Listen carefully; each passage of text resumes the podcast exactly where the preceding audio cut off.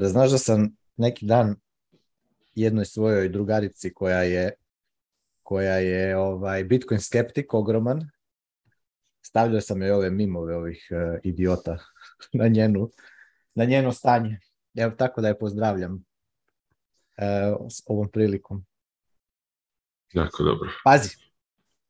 Znači, samo da, samo da neću, neću govoriti ko je, ona zna ko je. Znači, u 2017 je kupila Bitcoin, ne znam na koliko točno, uglavnom na negde, negde na nekakvom pumpu je kupila i flipala, prodala za, za profit, ne? Vjerojatno se u, ono, uduplala ili koliko već. I onda je pobjegao pump gore i od onda je Bitcoin Ponzi, Bitcoin je uh, Tulip Bubble, Beanie Babies, uh, sad ulaže u Berkshire Hathaway od, od Warrena Buffetta i kaže da je Warren Buffett je u pravu, to je sve ono red poison i tako dalje. I, i samo, samo čeka kad će se, kad se Ponzi, kad će se e, break evo. vrlo, vrlo inteligentno, e, vrlo, pametna osoba, mislim, ne kažem da pač sposobna i, i radi u jako velikoj kompaniji i svašta nešto, i, ali eto, ima Bitcoin derangement sindrom, tako da to me se podsjetilo ovo kad sam vidio da Matija ima ove.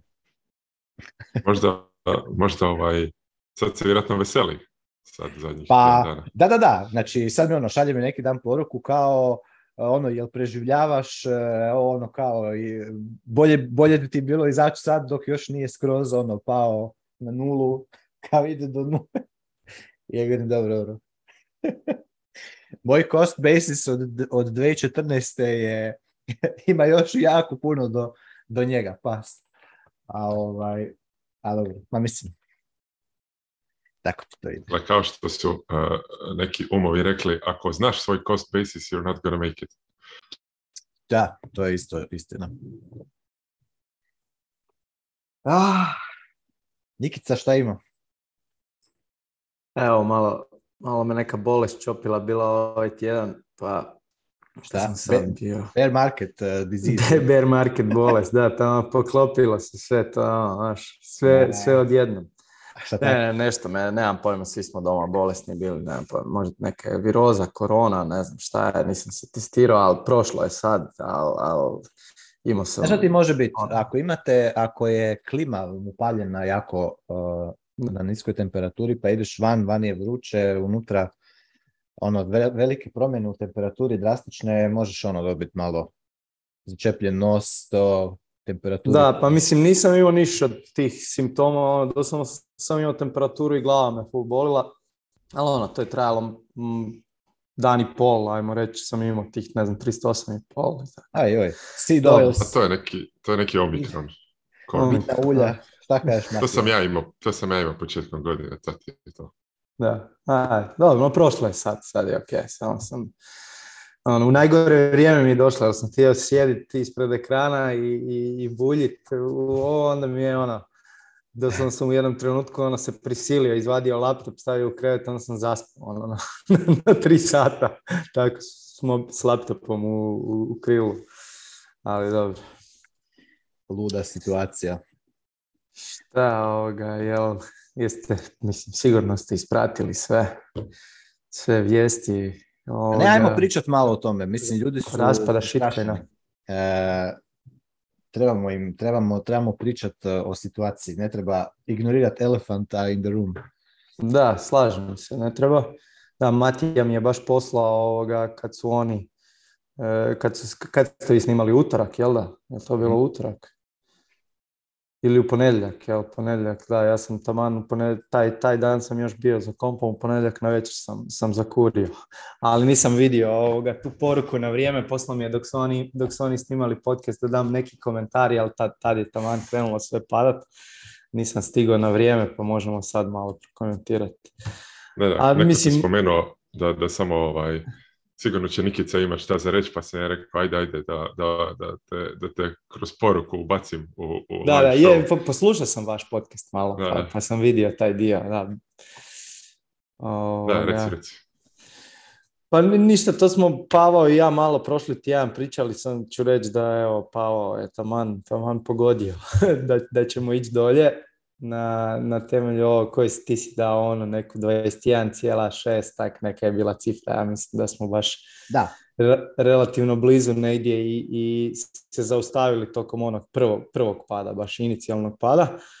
Ali ono, to je, to je, to, je nekakav klasik uvijek tako kad, kad dosta dugo vremena provedemo u nekom rangeu a bili smo 34 dana ja mislim, evo ono, baš gledam, 33, 34, da, 34 dana točno smo bili, smo bili u tom nekakvom range od, od ne znam, 32, 33 do, do 27 i obično kad tako neki duži vremenski period provedemo u nekom užem range tu se nakupi jako velika likvidnost jer eh, retail i traderi koji ne znaju šta rade, se ono, svaki put kad cijena ode gore se boje da će cijena izaći iz tog range prema gore pa da će oni zakasniti na move pa masovno kupuju, onda se skupi ta likvidnost prema dolje, onda samo neko masovno šorta i skupi sve to i onda je cijena dolje. Onda kad je cijena dolje, onda ljudi misle, a sad će propast, sad će propast, idem šortat, onda masovno šortaju i onda to ode u drugu stranu. I onda dok se to sve, ajmo reći, nekako ne iscrpi, e, dođe taj zadnji swing i taj kako sam ja rekao zapravo prošli tjedan dok smo mi to komentirali, zato to spominjem, je da je najčešće što je duži range, to je, to je izlazak iz tog range ono jako volatilan i to smo ovdje doživjeli. Ono, ja sam rekao, niko, niko ne zna u kojem će smjeru ići cijena i to najbolji traderi na svijetu, onaj koji kaže da zna gdje je cijena, taj sigurno laže. E, to je sve neke ono igra, igra vjerojatnosti i ono, doslovno jedino što može znati je da će biti, da će biti ajmo reći, neki taj veći pomak. I to je to i zaustavili smo se na toj nekoj sad psihičkoj granici od, od 20 e, tisuća šta je bio i prošli all time high. I, I ono, Bitcoin se dosta dobro drži s obzirom na na cijelu globalnu situaciju, ajmo uzeti znači sve što se dešava ne u Bitcoin i kripto svijetu, nego ono u tradicionalnom, tradicionalnom financu, gdje po visoka inflacija, supply chain krize, sve te stvari o kojima danas svi znaju sve. E, I onda se na to nadodalo sad, e, nakon Tere Lune, koja je očito bila prva, i neće ni blizu biti zadnja, što smo mi ovoga i pretpostavili. E, se tu pojavio razni, razni drugi e, broj igrača koji su u nekim problemima i to je zapravo ono što je meni full zanimljivo u ovom spaceu, a to je da mm, ako imamo tak ono transparentni ledger i ako imamo te, mislim to su većinom shitcoin hedge fondovi, ali ti shitcoin hedge fondovi imaju donekle javne svoje pozicije, makar imaju te javne svoje adrese, ne znam sad ono čisto da, da, da sad tu ne ulazimo u prevelike detalje, ali ono Bitcoin, Bitcoin taj neki računovodstveni model je UTXO model. UTXO model je potpuno drukčiji od, od onog na šta smo mi navikli u nekom tradicionalnom spaceu. Ethereum ima potpuno suprotnost. Ethereum ima onaj checks and balances, znači ti točno znaš šta je na kojoj adresi i to ne možeš, mm, odnosno vrlo jednostavno je i nekom ko nije profesionalac, ko se ne bavi teškim chain analysisom, da, da, da poveže nekakve adrese sa nekim entitetima i tako nešto. I, i kad je takva situacija, vrlo je jednostavno izračunati kad je netko leveraged i kad netko ima, eh, odnosno na, na, na koje recimo cifri je njemu liquidity, eh, margin call ili, ili, taj neki ono bankrot. I tak imamo, vjerojatno ste pratili ovaj Celsius jer je bio prepuni Bitcoin Twitter a onaj Cory Klipsten ga je, dosta ovoga E, napadao već, već mjesecima i to se sad na kraju pokazalo ispravno. E, no, Celsius ima javnu, javnu svoju likvidaciju koju su sad uspjeli spustiti dodavanjem dodatnog kolaterala koji su dodali na, sad to su razne spekulacije, ali očito ne na prečisti način, nego na taj način da su, da su svojim userima zamrznuli mogućnost e, isplata i da zapravo pokrivaju, pokrivaju taj svoj kolateral e, sa sredstvima svojih korisnika. I čak sam vidio par trendova gdje u principu ono traže korisnika da još depozitaju love na Celsius da, da, da, da, ne bi bankrotirali tako nešto, ono neke sulude stvari, ali uglavnom znači njihove te cifre ono, što ciljem su, su transparentne i, i javne su i sad se, nakon toga se pojavio i taj 3 Euros Capital, ne znam da li vas dvojica znate za njih, to je jedan od većih tih shitcoin fondova, mm, u kojem je onaj Suzu, koji je onako čak i izdao par, par nekih zanimljivih blog postova i bio na par podcasta, čak i ono Bitcoin related podcasta, gdje ovoga, mm, ono, ima zanimljivih tih teza i to i definitivno onak zvuči kao smart guy na kraju je ispalo da su oni ono bili degenerate gambleri na ono na stotu eh, i, i, i blow upali i to će sad imati ono vjerojatno taj neki kaskadni efekt eh, u cijelom tom kripto marketu i nažalost Bitcoin tu nije pošteđen zato što šta je velika većina kolaterala tih, eh, tih shitcoin fondova je u Bitcoinu, pa onda oni da bi da bi pokrili te svoje margin kolove moraju prodavati Bitcoin pa se to onda rezultira na, na, na dropu cijene. Evo, sad smo već par dana tu na tih nekih 20 tisuća.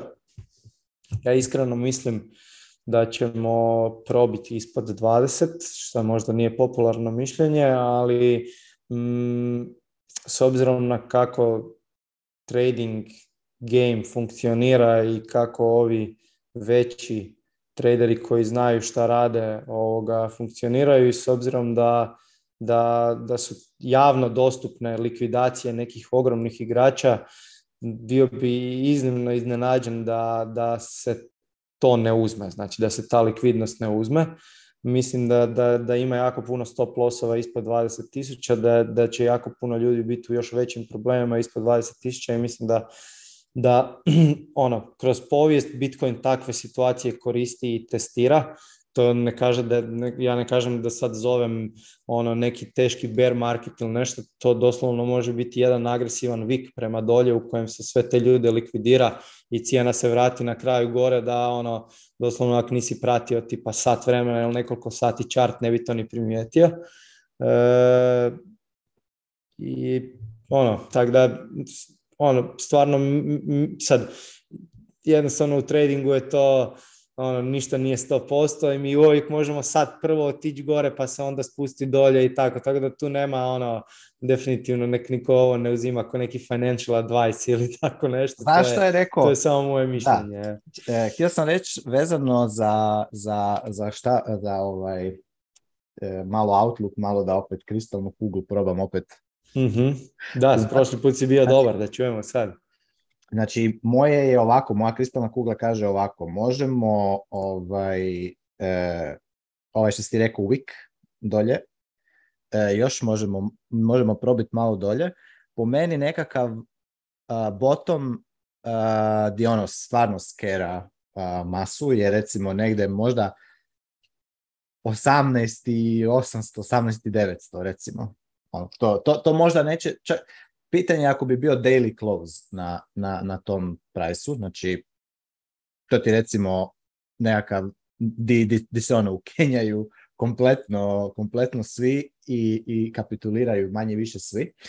Htio sam reći vezano za, za još jednu stvar, znači kad kažemo da je prošli bull market uh, znači 2017. da je high bio 20.000 dolara, Isto je pitanje na šta točno mislimo kad kažemo da je bio 20.000 dolara, da je to ono jedan week na jednom, u jednom momentu, jer je tad, ja nisam to tada pratio toliko, ali sjećam se da je bilo ono, da su exchange padali, da su, ne znam, ja sjećam se u 12. mjesecu 2017. jedino si mogao, na, barem sam ja jedino na Krakenu mogao e, nešto, opće nekakav trade napraviti, jer sve ostalo bi jednostavno rušilo se, toliko je bilo toliko je bilo ovaj, daily usera novih ono, koji su letavali. a, i jednostavno je bilo ono, i bili su jako i, i veliki, razlike između exchange su bile velike u priceu znači ti si mogao arbitrirati, ne znam, kupiti na jednom exchange Bitcoin, prebaciti na drugi, pa, pa ono, taj price difference, ono, zatvoriti, znači ono, jednostavno je bilo jako divlje, jako slopi. Tako da je pitanje je šta je točno bio top. Ajmo reći, kad sam slušao Piero Šarda, ovaj, neki dan je napravio je ovaj, sa Mark, Michael Goldsteinom kao taj hitni, kao da malo komentiraju taj price action i to sve skupa, pa je rekao da u biti je ono all time high realno ne možeš znati, je bio 20.000 dolara. Možda je bio između 16 i 20 negde. A je ono jako kratko, koliko je, niti jedan dan nije trajao ono week 2017. Tako da, tako da je ono, nije, nemo, nije ono, nije nemoguće da, da dipamo moj malo ispod 20.000 dolara, a ovaj, a, a što se tiče koliko dugo bi mogli stajati u ovom bear, uh, po onome šta, šta se, ajmo reći, makro, makro backdrop, kaže, kaže Fed, uh, kako su rekli, da da prije 2024. ne misle uh, stopirat tightening, znači do cijelu 2023. još im je plan, tako kažu, dizat, dizat interest rates. Um,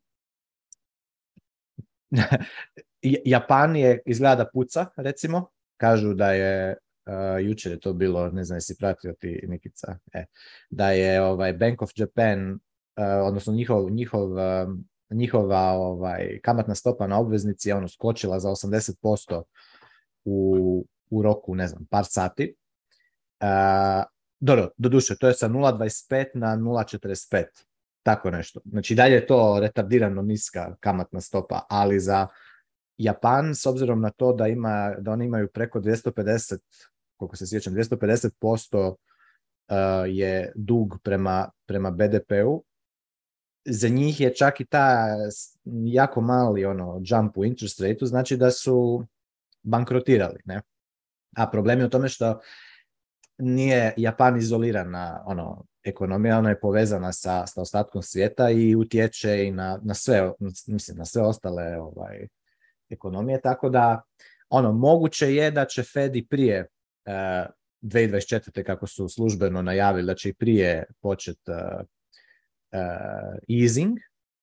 Evo, baš sam jutro pročitao, Adam Beck kaže da on možda i, kao, nije nemoguće da, da već i ove godine ono, uh, se vrate na, na, easing, što bi značilo da, da ćemo se već ove godine vratiti, uh, jer, da ćemo, da ćemo ono ići na preko 100 tisuća dolara ove godine. ja osobno mislim da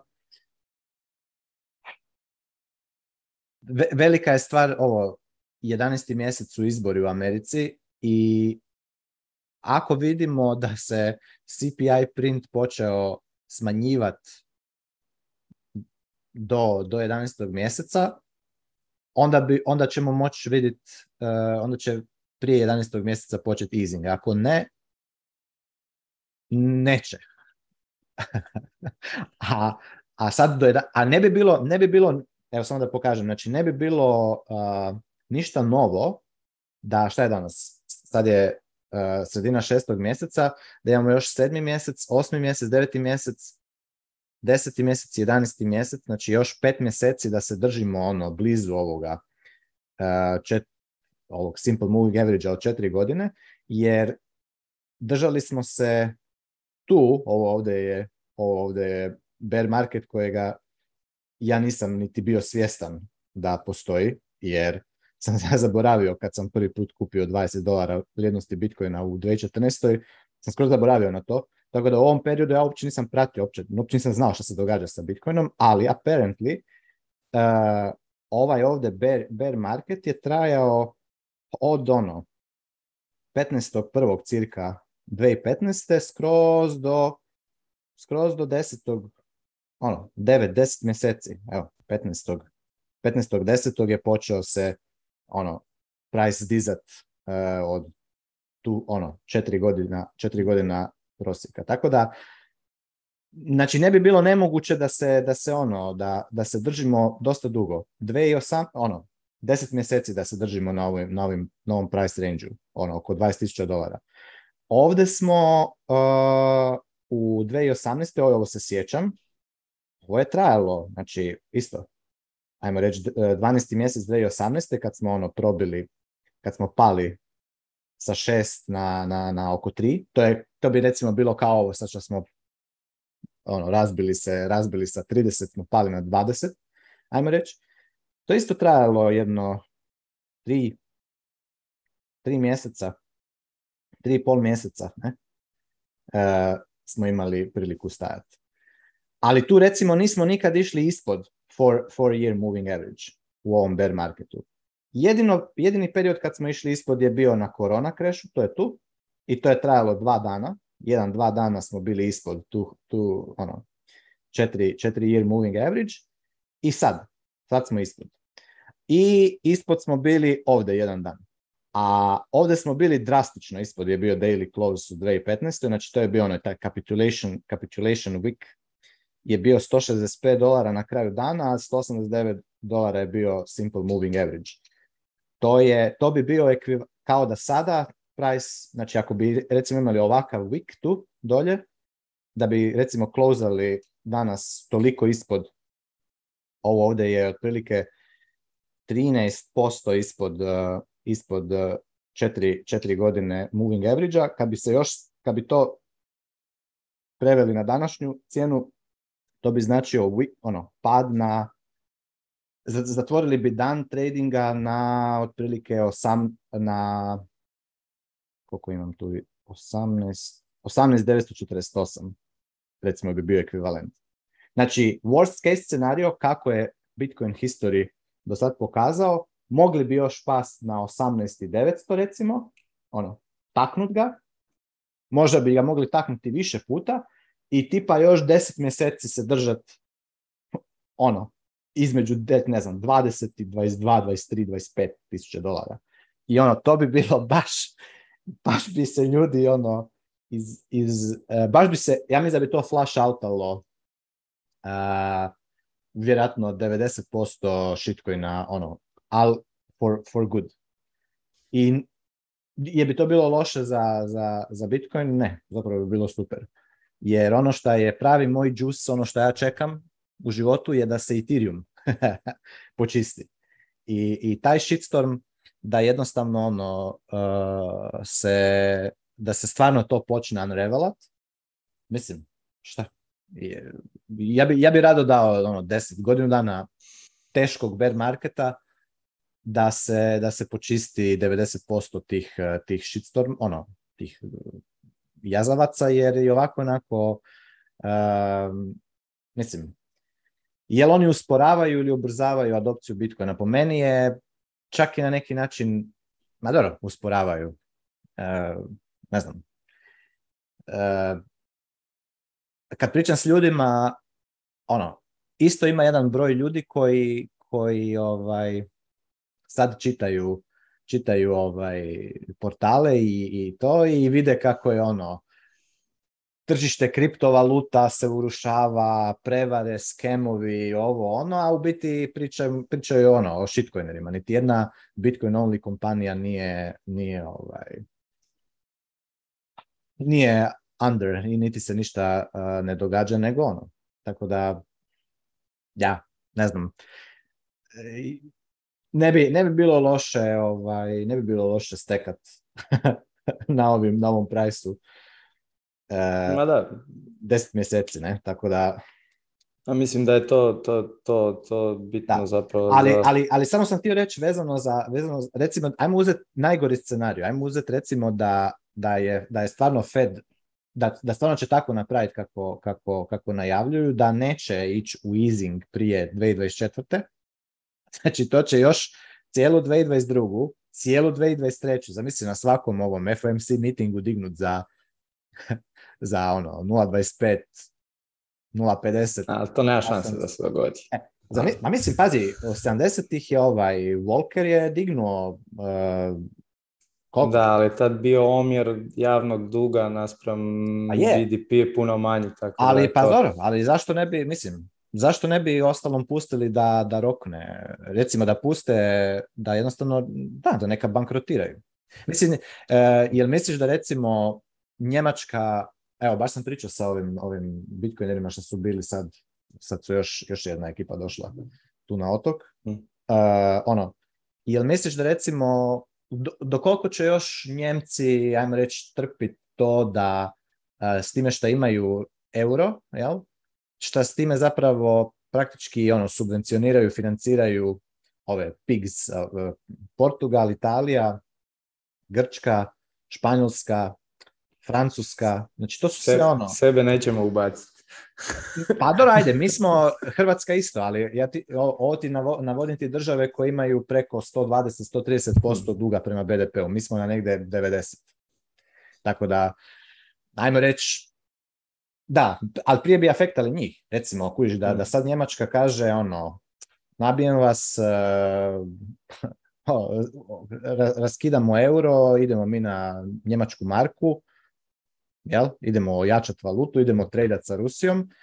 To ti znači direktno ono bankrot e, Italije, na primjer. Ali bankrot, znači mm. nema cijeli mm. kompletan ono, javni sektor e, ide na ono, mislim, evo vam plaću, dobro, naprintat će oni talijanske lire, ono, imat će opet trilijarde, ne znam šta, Googleplex lira, pa će im isplatiti, ali s time će moći ono, kupiti niš.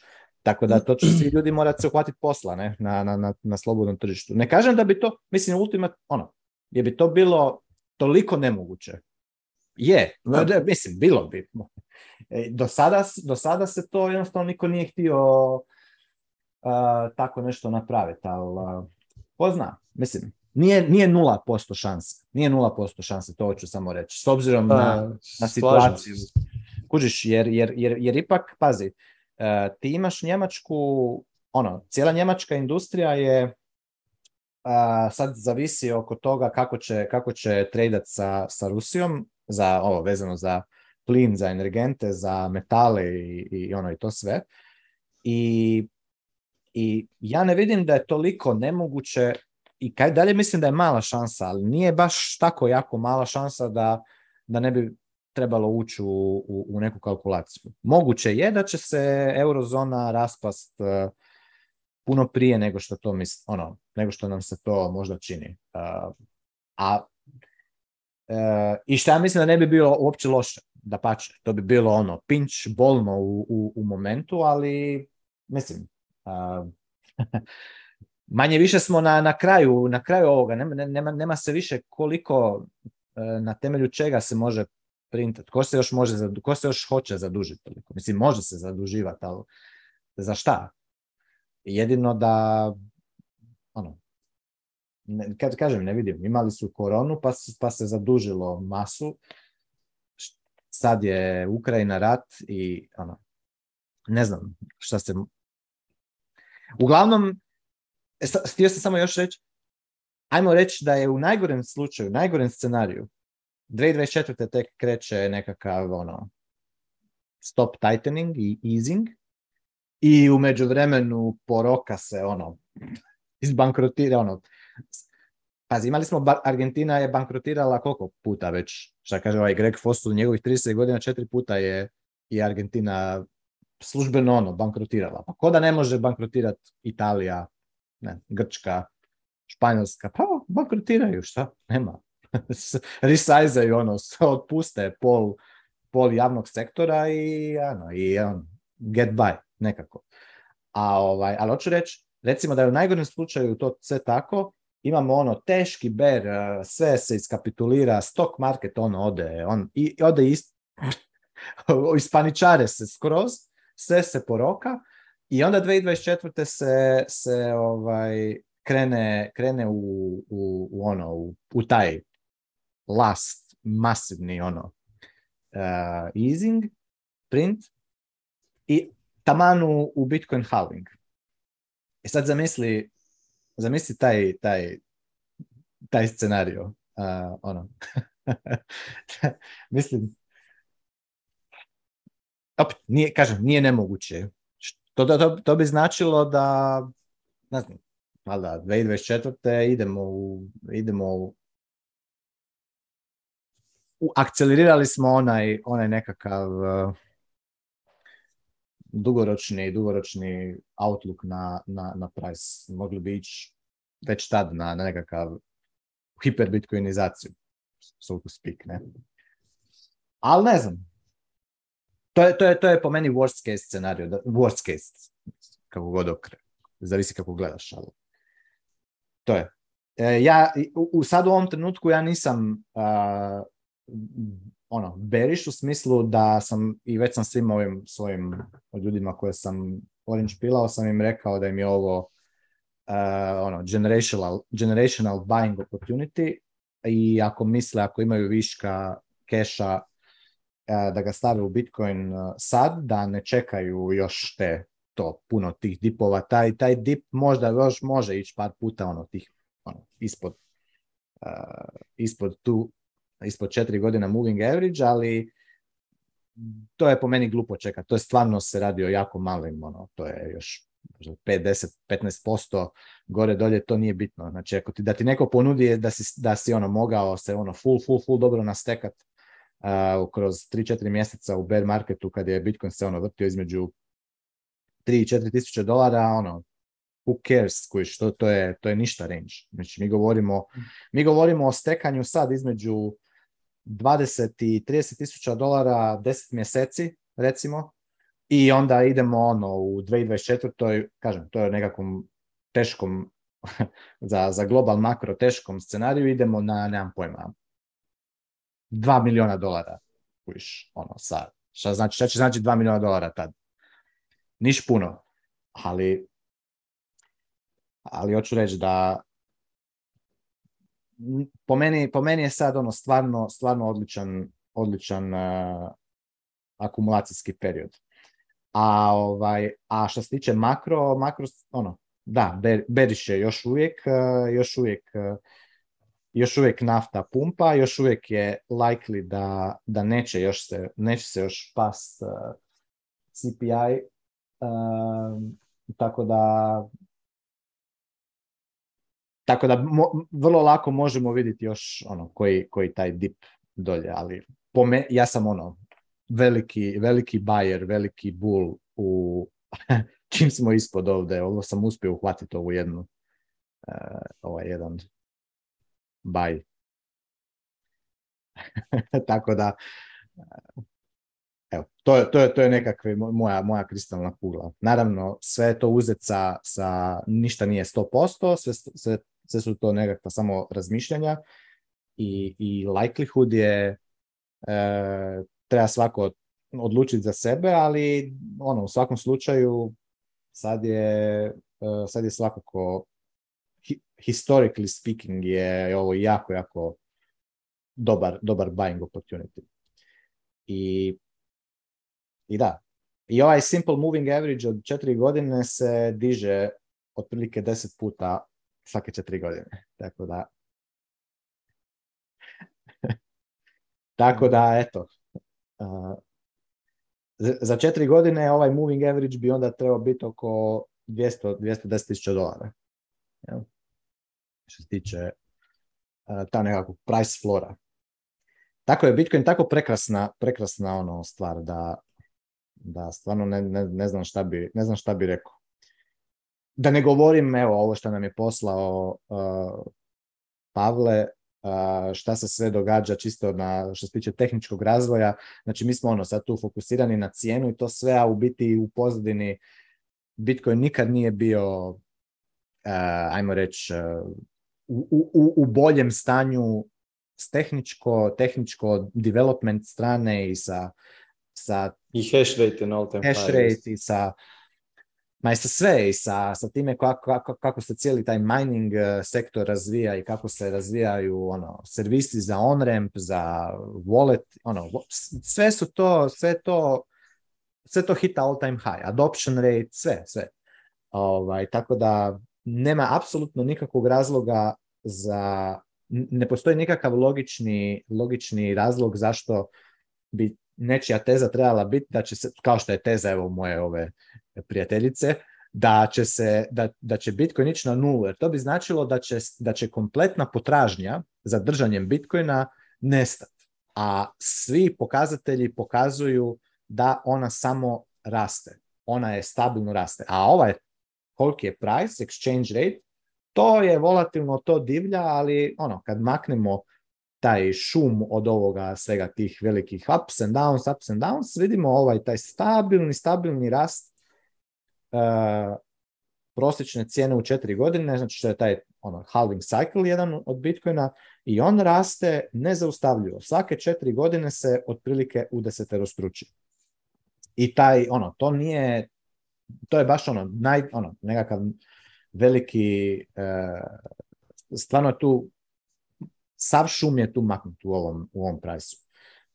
Tako da ako, ako, dnevni, ako dnevni tečaj, ako dnevna cijena ta dira ili je jako blizu to, te prosječne cijene, to je, to je jako dobar buying opportunity. Evo. Ja moram, jednostavno to moram reći, neka ostane tu, tako da mogu, tako da nek se ono, ljudi vraćaju natrag na, na, pa ako sam bio u krivu, ok, ja, nema veze, ja ću reći da sam bio u krivu, ali ništa mi logično ne govori da, da, da, da sad treba. Sad zapravo treba stisnuti zube i ono, load up. I jedino što je stvar je u tom koliki je, koliki je bet size, znači koliki, to jest koliki je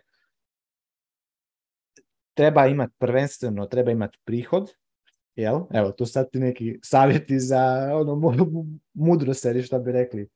Prva stvar prihod. Make more money, to je, to je najvažnija stvar. Znači, radit, zaradit novac i zabudžetirat onoliko vremena, ono, bu, imajte budžet i trošite onoliko, ne znam, e, koliko vam je komodno imati fijata u, za sljedećih mjesec, dva, tri, šest, godinu dana, zavisi, svako ima različitu toleranciju na, na rizik, ali u, jednom momentu uh, onaj šta, ono što možete vidjeti kao višak, višak novca, to neka ide u Bitcoin.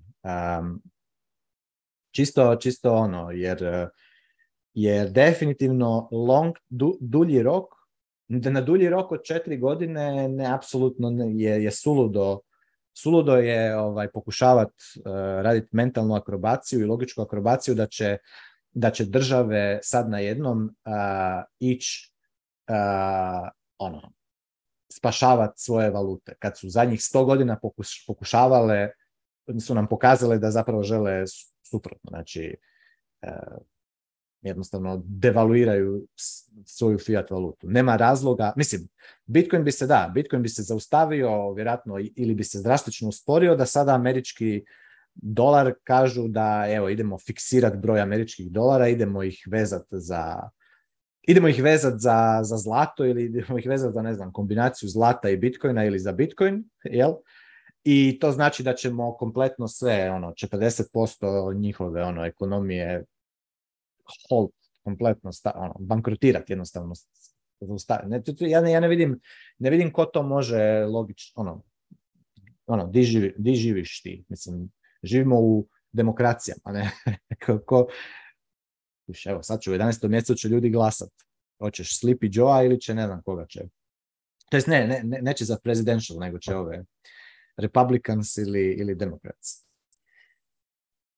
more likely da će Republicans, uh, da će ono red, red uh, option uh, prevladat, ali mislim, sve to ono, sve to God that failed, tako da demokracija je najteži bullshit koji je, koji je ikad snašao ovu, ovu našu civilizaciju. Da bar dođe nazad kraljevstva, a idealno ono, kripto, kripto anarhokapitalizam. Eto. Kraljevstva kao, kao neki međukorak. Bene, zamisli da imaš ono benevolentna kraljevstva um, i, i, svi ono mala kralj, ono ili šta ja znam koji, koji se međusobno lijepo tradaju, uh, ono, žene se skupa i tako i planiraju za unuke, pravunuke, prapra pravunuke ono 50 generacija unapred di ćeš, di ćeš bolje, a ne ovaj ovdje bullshit, ono, sad ću ja glasat za ovoga klauna ili za ovoga klauna, oba dva su, su klauni, ono, koji će, koji će sa samo ono, način, tražiti načine kako da se, kako da se ovaj, kako da bolje ovaj, posišu, posišu narod u, u kraće vrijeme. Ko da zaboli njihova stvar za, za, za dugoročno išta. Tako da, eto.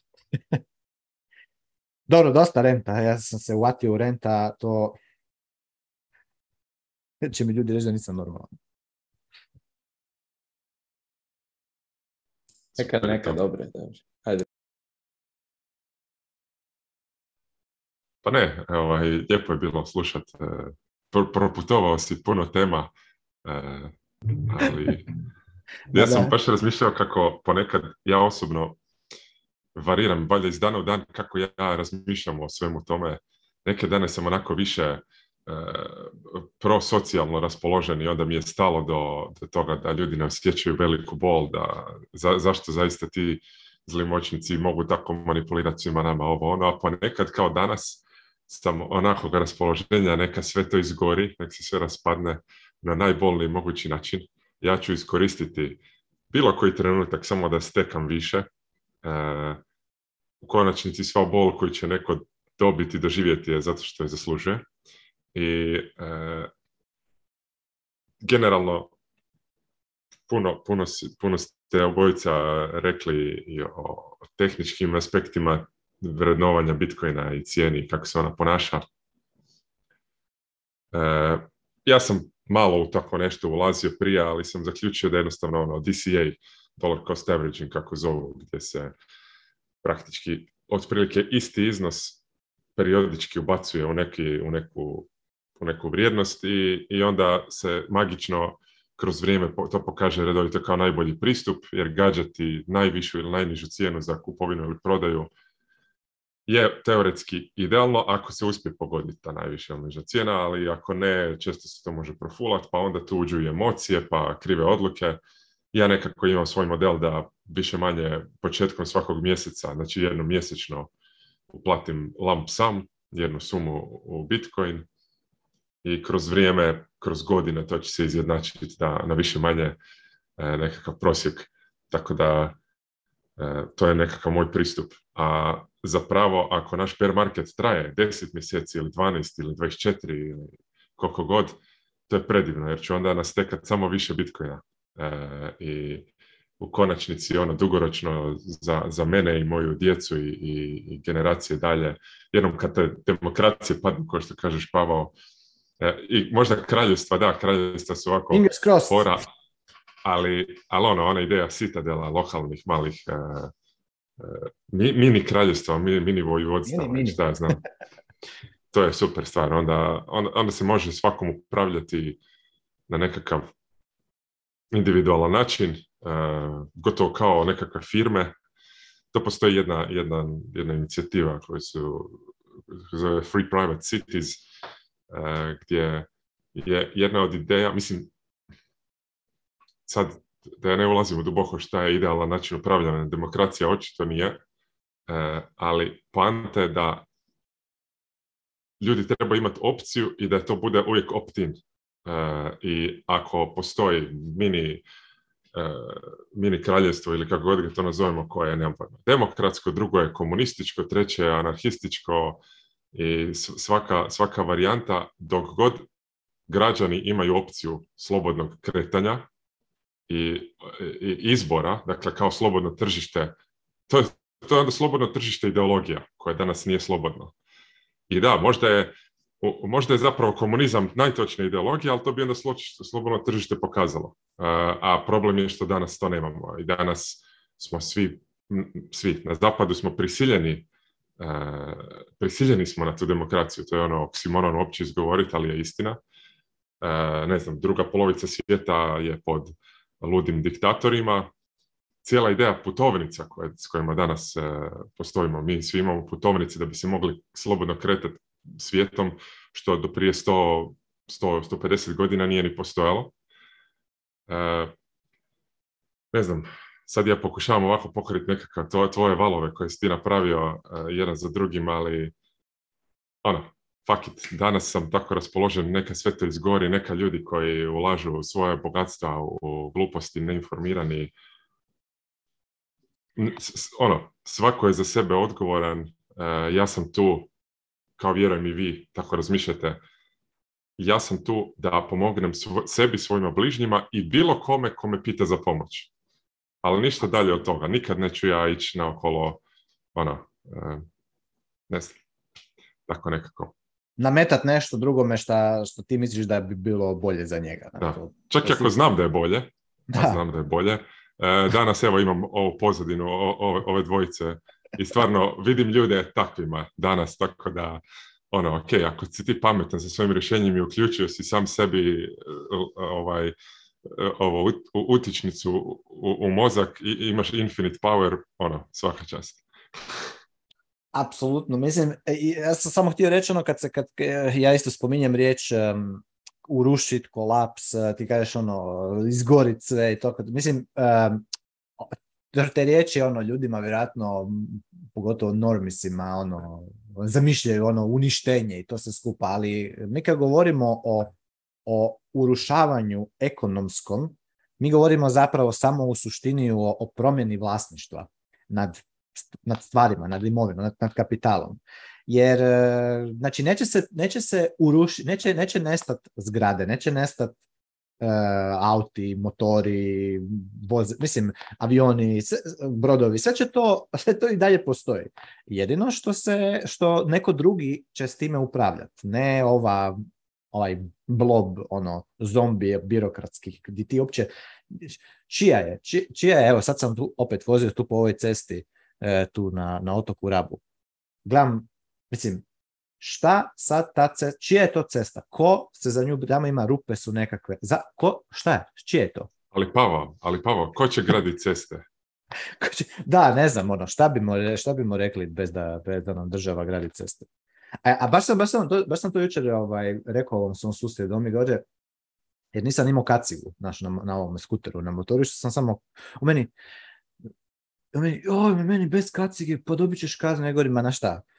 to je ovako onako sve samo reketarenje, ko da njih zabuli, njih ona stvar da ću ja e, za, za, za, za zdravlje, nemam pojma šta, za sigurnost, Sve njih briga. Da ti, da, da, ono, I u ostalom, što to znači? Znači ja na motoriću, na malom skuteru, isto se vozim tu, tu 200-300 metara sporo jer ne, možeš ići brže. Znači ja moram kao imat kacigu, ali ti koji hodaš po, po, po, po trotoaru, po cesti, ti ne moraš imati kacigu, iako i tebe isto može ono, dva tona auto koji vozi 40-50 km, sad isto te može bubnuti, isto ti može kaciga, ti može spasiti život. Ovi koji se voze na romobilima isto ne moraju imati kacigu, ovi koji se voze na biciklama isto ne moraju, ali ja moram na motoru, a mene ćeš, mene ćeš, ovako ćeš me, e nećeš. Ja govorim, e neću, baš neću, ovo kao me ovako gleda. Ja govorim u ostalom, što se tiče ceste, znači u, privatnim cestama, ima bajdu jedna super epizoda kod, e, na Seyfriedinovom seminaru je bio jedan Walter Block. Uh, šta bi bilo, kako bi izgledao svijet gdje države ne grade ceste, nego ceste su privatne. Jako jednostavno. Imao bi izbor. Hoćeš cestu gdje ti je privatna cesta koja je napravljena, optimizirana za one koji jednostavno vole ići gas do daske. Znači, stavili bi asfalt ko onaj na trkačoj pisti, e, imao bi jako široku cestu, imao bi cestu gdje ćeš ono, imati nekakve ono, zaštite ako izletiš van sa ceste, ako si baš bio preveliki luđak i tako dalje. Platiš to za to. Pa se možeš voziti ako hoćeš, brate mili, ono, od, od, od Pule do, do Zagreba ćeš doći ono za sat vremena jer ćeš voziti 250 km na sat u prosjeku. Ok, imaš tu cestu i platiš to vlasniku te ceste rentaš mu ono, prelaz preko te ceste. A onda imaš na drugom kraju ekstrema i nešto još između, cesta di se ono ne vozi preko 10 km na sat. Malo po malo, to je ono nekakva cesta koja je više na neki način, e, ne znam, ono, panoramska cesta. I ja se na njoj vozim pomalo. Jednostavno idem pomalo, gledam u nekakvom old-timer kabrioletu nešto i ja, mene uopće nije briga da ću ja doći za sat vremena ili ću doći za 15 dana do, do svoje destinacije. Možda ću 15 dana se voziti od Pule do Zagreba. Zaboli me ona stvar, ali hoću imati izbor. A ne da imam jednu usravnu cestu koja se financira oduzimanjem novca kroz poreze i kroz inflaciju, koja se e, koja je ono krcata tim nekakvim prometnim znakovima, pravilima, ko fol, sigurnost, Zakon o sigurnosti prometa na cestama. Baš sam rekao ovome svom susjedu, ja govorim, slušaj, jesi ti znao da recimo u Indiji ti imaš u tim velikim gradovima, tamo praktički nema prometnih, nema prometnih znakova, nema ništa. Imaš milijarde ljudi koji se voze. Uh, šta misliš, da li je veća stopa prometnih nezgoda tamo ili u ovome ovdje jako e, reguliranom prometu? Ja me gleda.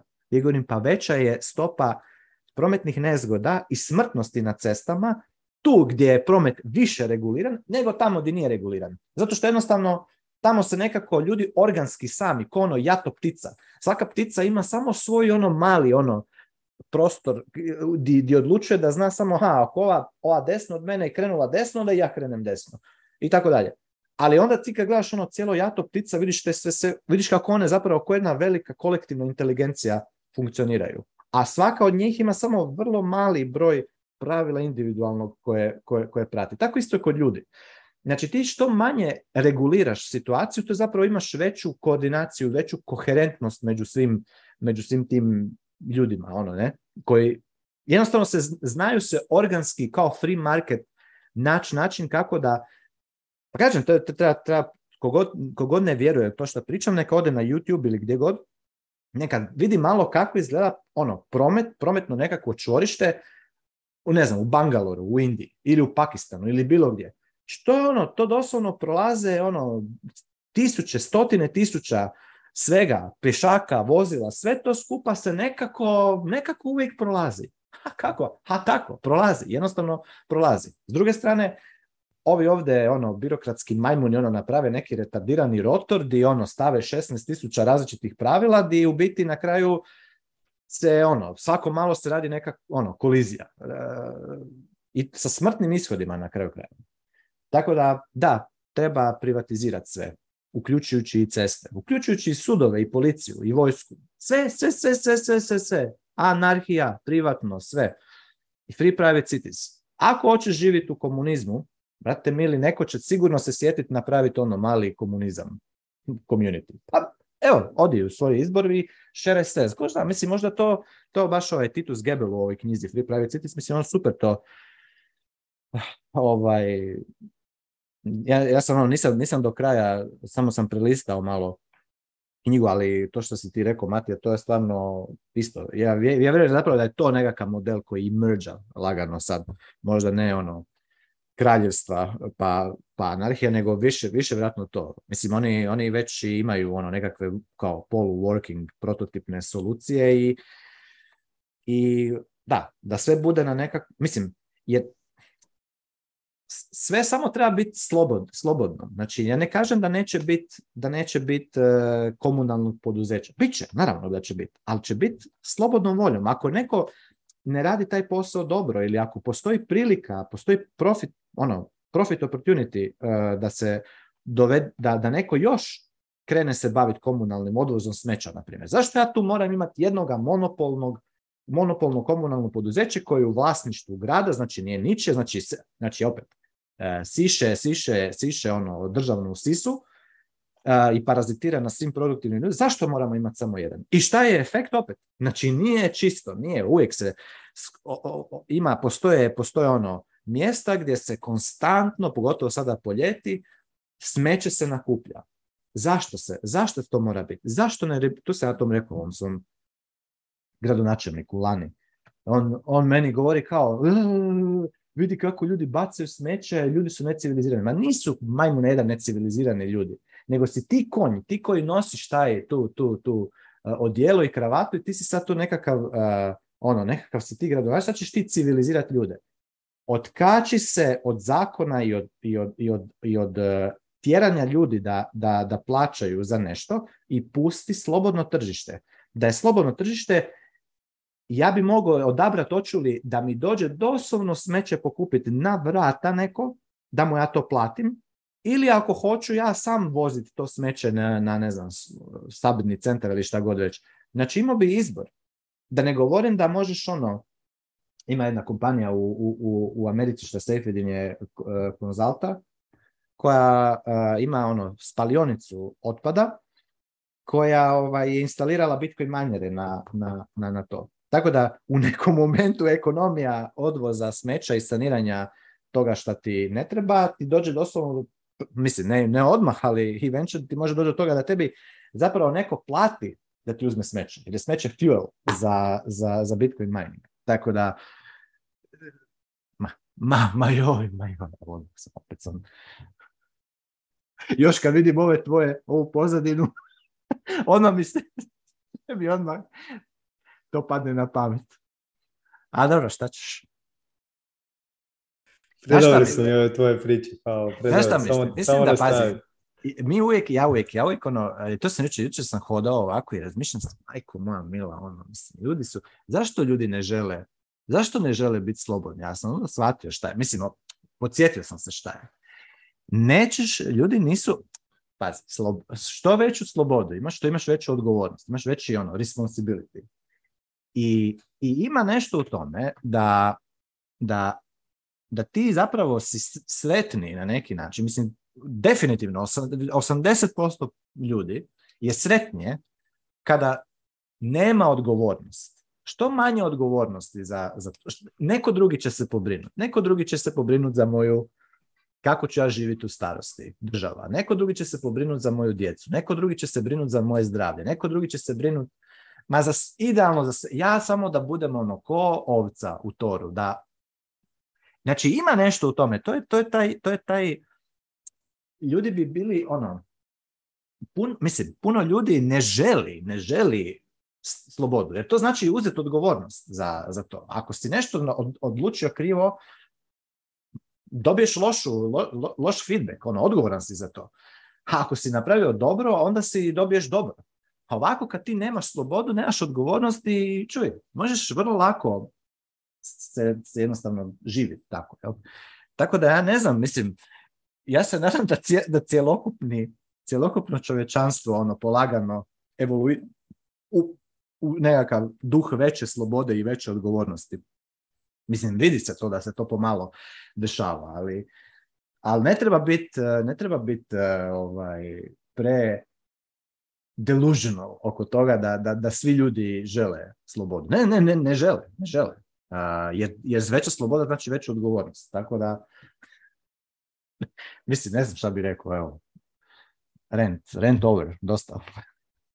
Već, ne znam. Pravo si, pravo si što kažeš. Premda tu se radi o puno nekakvim kompleksnim... Ne znam, sve, sve što si govorio o ovom drugom rentu, e, sve ovaj e, jako fraktalno. E, bio si spominjao e, na početku kako krah nije nužno krah ili ja kažem let it all burn, nek sve izgori. Da.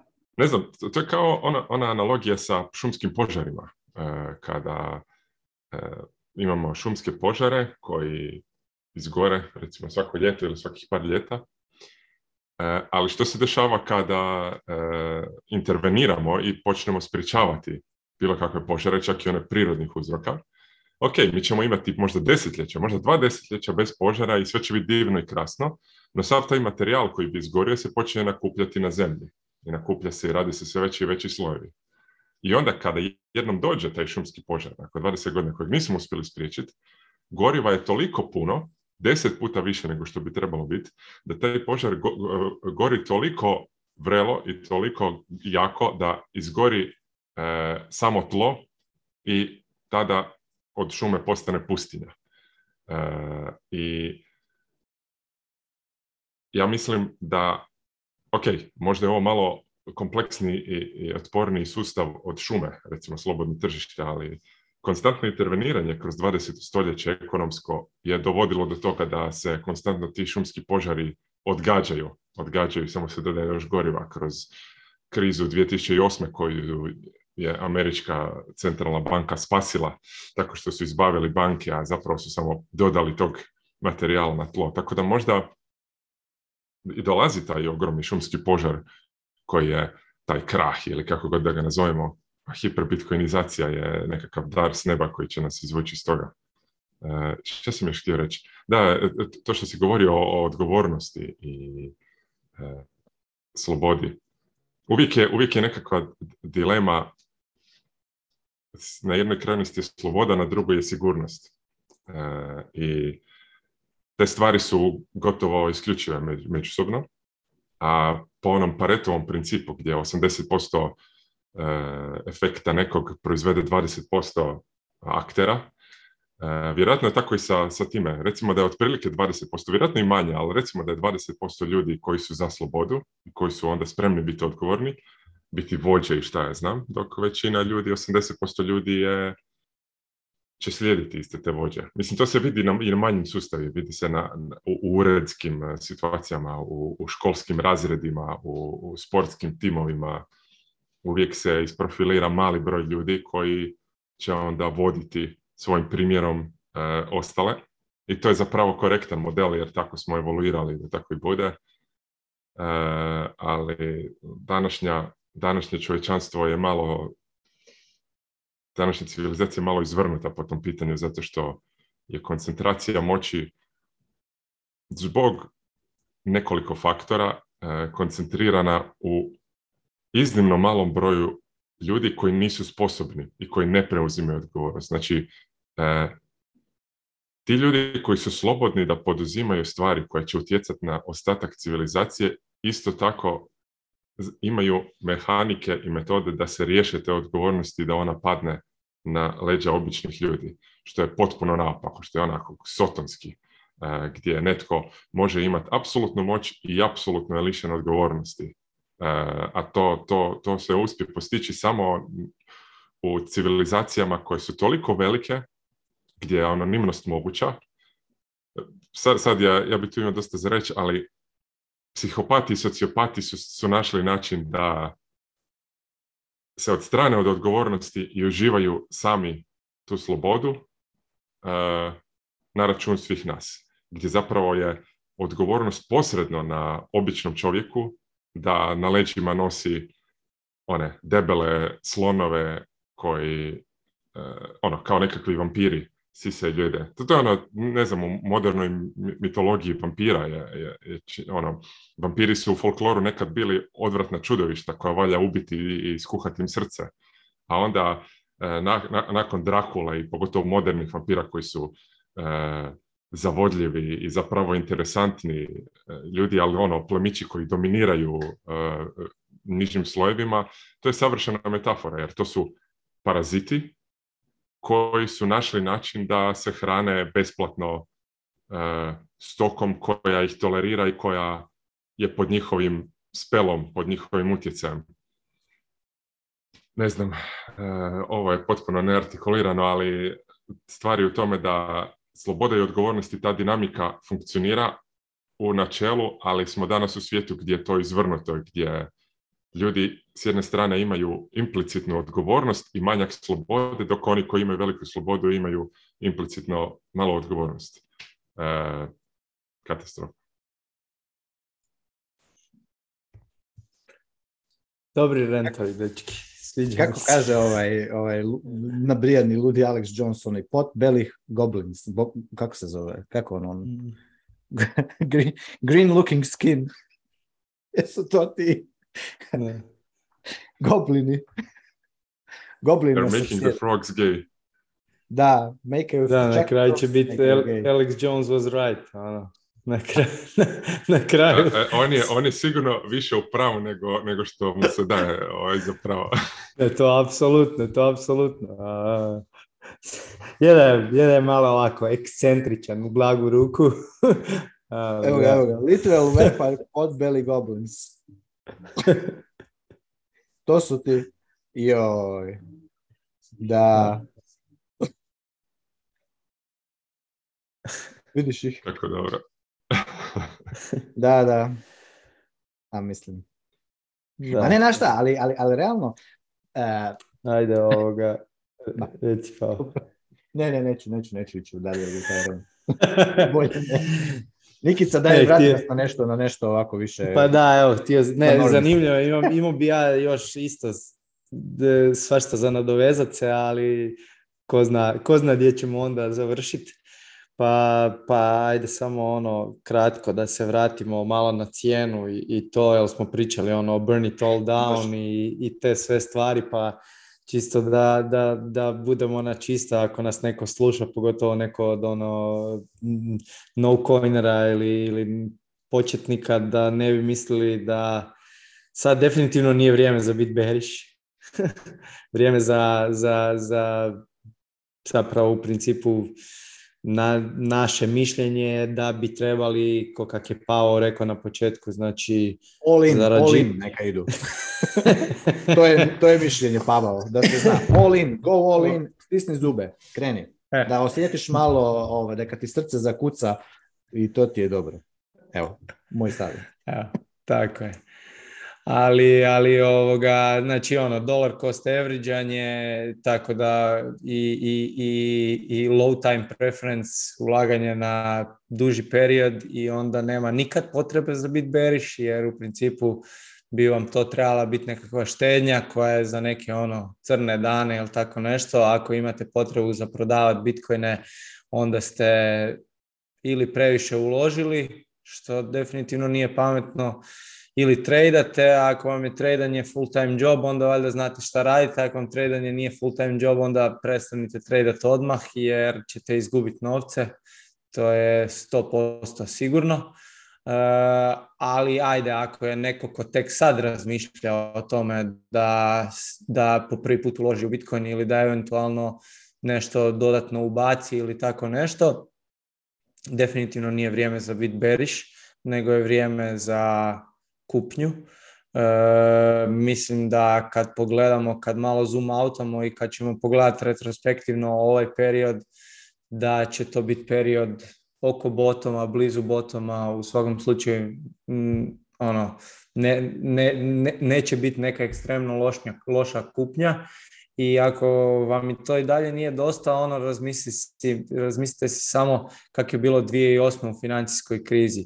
To je bio doslovni bottom, znači kad se to dogodilo, kratak je bio vremenski period u kojem smo naglo propali, tad su svi bili ekstremno beriš, ono svijet je upao u kao nekakvu nezamislivu krizu e, i to, a to je zapravo bilo najbolje vrijeme za kupnju, tad Bitcoin još nije postojao, najbolje vrijeme za kupnju dionica i svi ti ljudi koji su se tad nakupovali dionica i ishodlali te dionice kroz ovaj masovni bull market 2010, 2010 e, su sad multimiljunaši. E, e, nešto malo nedavnije korona dip gdje je Bitcoin pao do 3000 gdje se doslovno nam se dogodila na svjetskoj razini situacija koju nitko, pa ni vjerojatno najveći ono skeptici i oni preperi i, i slični nisu, nisu mislili da se može dogoditi, da će doslovno u jednom trenutku zatvoriti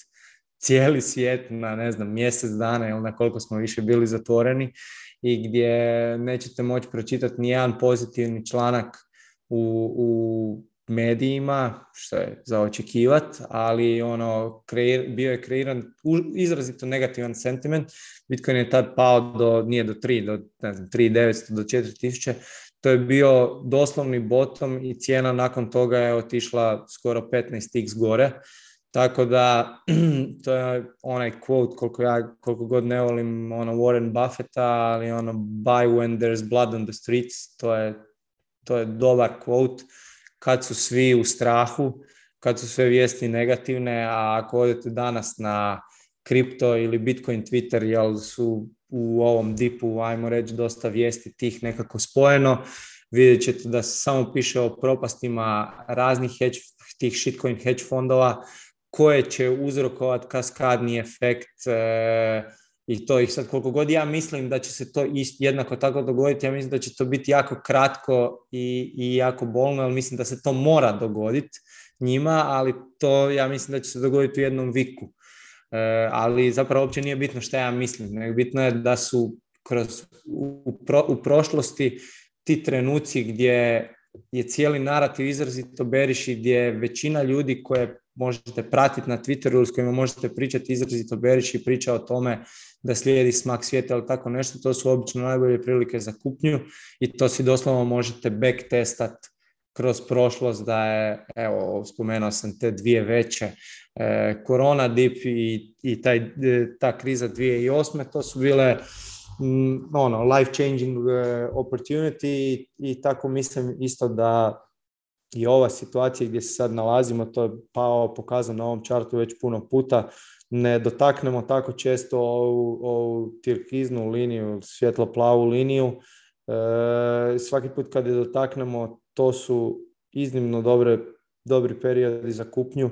I da, kao što je Pavel rekao, to vrlo vjerojatno mi nećemo sad e, skočiti odmah do sljedećeg goal time high kroz sljedećih par mjeseci.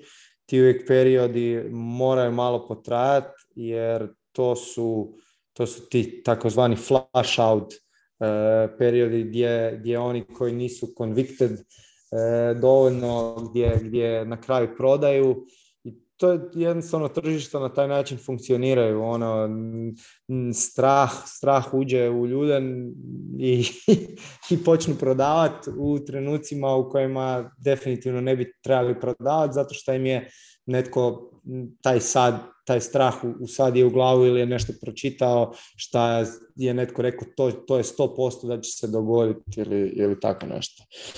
Ovo su definitivno u redu periodi za kupnju i da, vjerojatno će ovaj bolni, bolni, mislim cjenovno bolni period potrajati malo duže, ali Matija je to spomenuo i to je moje mišljenje isto, ono, kad ti onako Bitcoin skroz, nekako klikne i sjedne i kad postaneš hardcore Bitcoin naš koji dolar cost average zapravo se radiš ovim niskim cijenama jer to znači da ćeš ti i želiš da što duže potraje, ali to znači da ćeš zapravo moći akumulirati što više Bitcoina sa, sa tim nekim mjesečnim, tjednim ili kako god e, stekanjem i, i zapravo samo treba imati ono low time preference ovo je ono dugačka igra, e, nemojte biti ti koji žele kupiti Bitcoin na 20 da bi prodali na 30 i ostvarili taj neki rast od 50% jer onda imate stock market za to ili razne druge stvari, ono Bitcoin je, je puno bolja stvar od, od, od toga. Eto, to ja sam još htio nešto samo malo kratko reći, vezano za još jednu perspektivu. E, evo iz, iz moje perspektive, ja znam da velika većina ljudi koji, koji nas slušaju je, ima prihode u Fiatu i onda dio Fiata svaki mjesec ili kako već imaju, kako već e, rade to, konvertiraju u Bitcoin.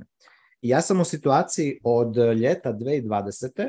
da 95% prihoda je meni u Bitcoinu, a moji ekspensovi su u Fiatu, tako da sam ja e, imam ne znam koliko transakcija iskustava gdje sam prodao, mislim, jednostavno konvertirao Bitcoin u, u, u fiat, e, jer kad razmislite o tome, to je flip, to je flip. Znači sad zamislite da imate prihode u Bitcoinu, iznos koji imate sad prihodima, ali da vam sjeda u Bitcoinu i onda vi izlazite u fiat, odnosno alucirate koliko, koliko, koliko vam treba fiata za, za živite. Ljudi ne akceptaju Bitcoin. Znači, i u, at some point znači kako god okrenete, neka ćete morat potrošiti Bitcoin i nije potrošiti Bitcoin ništa tako strašno, jer ono što sam htio samo reći iz tog iskustva je da po prirodi stvari, organski se to tako krene dešavati, je da, recimo, sad ću dati jedan jednostavan primjer, u ovom periodu kada je Bitcoin bio u jakom pampu,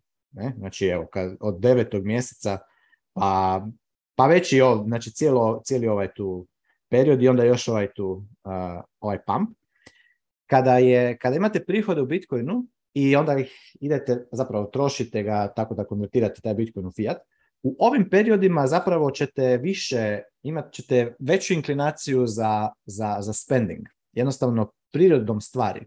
Lakše će vam biti spendat. U periodima dipa, znači kada purchasing power Bitcoina pada, prirodnim, prirodnim tijekom stvari je da malo stajtate potrošnju u smislu, odnosno u prijevodu, to znači da ćete imati e, veći, veći savings rate versus veći spending rate. I to se prirodno, prirodno dešava. A, znači, to je ono što ja bih volio tu poruku još malo više, češće e, reći. Znači, nije eventually eventually, svak, mislim da ćemo svi mi doći u situaciju da ćemo imati i income u, u Bitcoinu i expense u Bitcoinu. I, I neće biti toliko bitno, baš smo evo jučer na seminaru imali tu raspravu, znači nije toliko bitno eh, nominalni broj satošija koje, koje, koje imate. Bitan je purchasing power. Znači, princip broj jedan, bitno je da imate veći earning, znači veći prihod nego što vam je rashod. Znači vrlo jednostavno to, stare bake su to ono, nam pričale, uvijek troši manje nego što imaš prihod. Okay? Znači, save for the future. Nemoj potrošiti sve što zaradiš. potroši manje. Koliko manje? Pa barem nešto manje. Nekad ćeš malo više manje, nekad malo manje manje, ali manje, mora biti manje. Nemoj trošiti više nego što zarađuješ. To je broj jedan. Broj dva, vodi budžet, znači imaj kontrolu nad, nad, nad, nad svojim financijama. Znači, moj veliki, duboki savjet, to je ono što osobno ja radim već e, više par godina, je da vodim zero-based budget. Ima jedna odlična ovaj, e, aplikacija, alat, zove se You Need a Budget, koji je stvarno, me, stvarno bi svakome ga preporučio za, za naučiti to raditi, tako da znate po, znači da vi možete u svakom momentu eh, reći, ok, prije šest mjeseci sam potrošio toliko novaca na ovo tu. Znači svak, ono, to je, vjerujte mi, ta, ta, ta, ta, ta moć koju dobijete s time kada, kada pratite svoje financije, 100%, je enormna. Ako kogod to sluša sad, ako hoće nešto malo više, slobodno mi se javite, ja ću vam to jako, jako rado e, objasniti kako, kako, se to, e, kako se to radi i zašto, i zašto je to dobro zaraditi. A ovaj, i, i, šta sam još htio reći? Na kraju, e, da, e,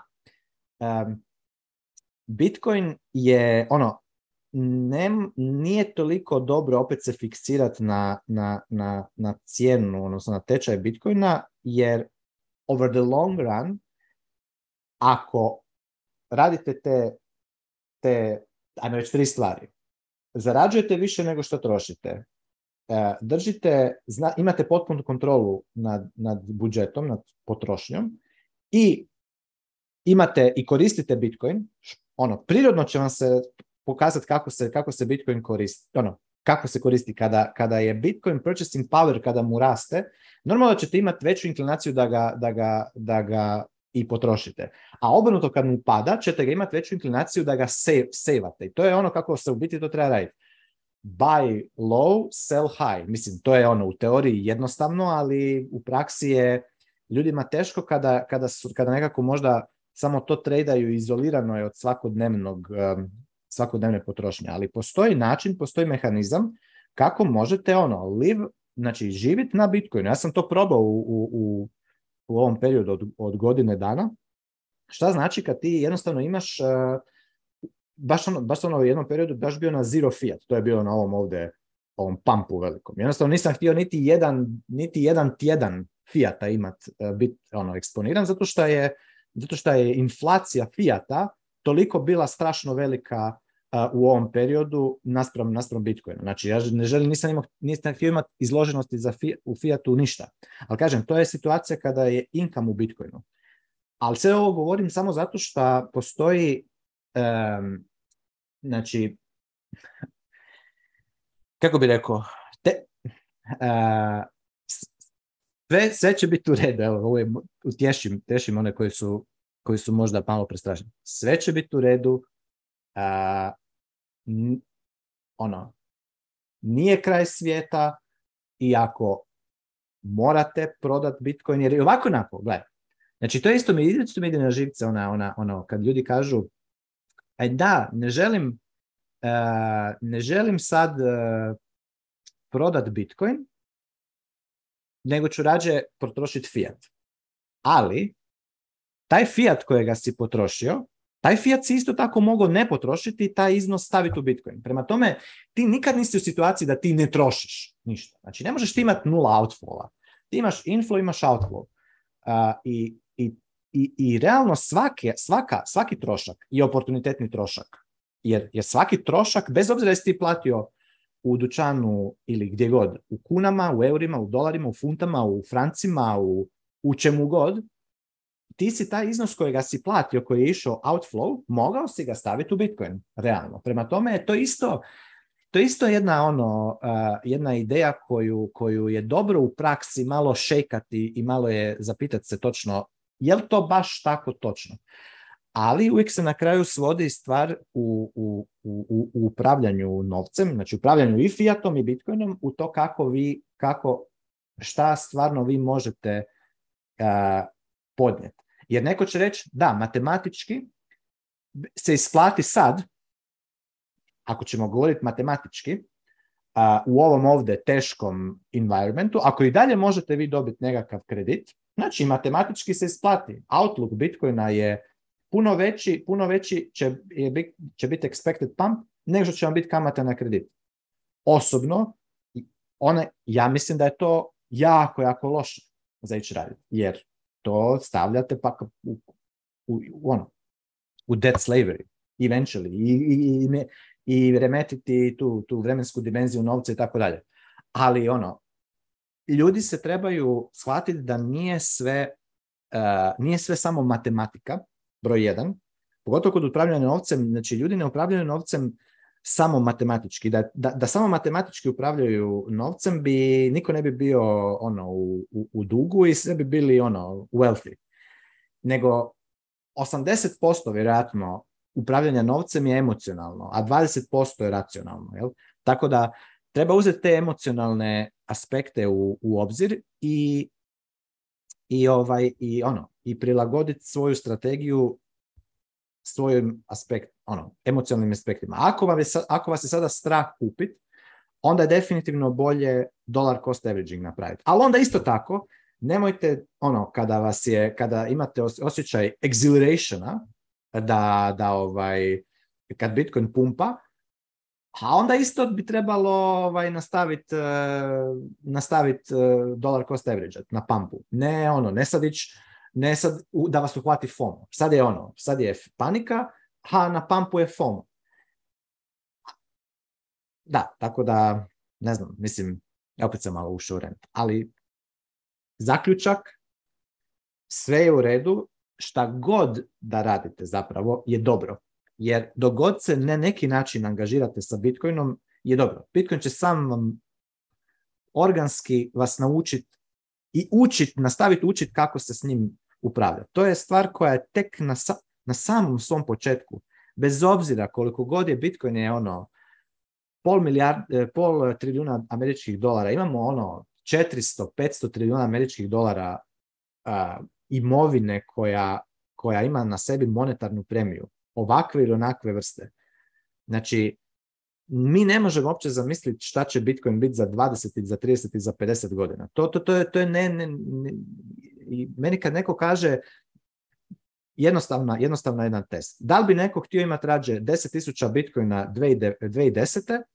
ili bi rađe htio imati 10.000 satoshija 2050.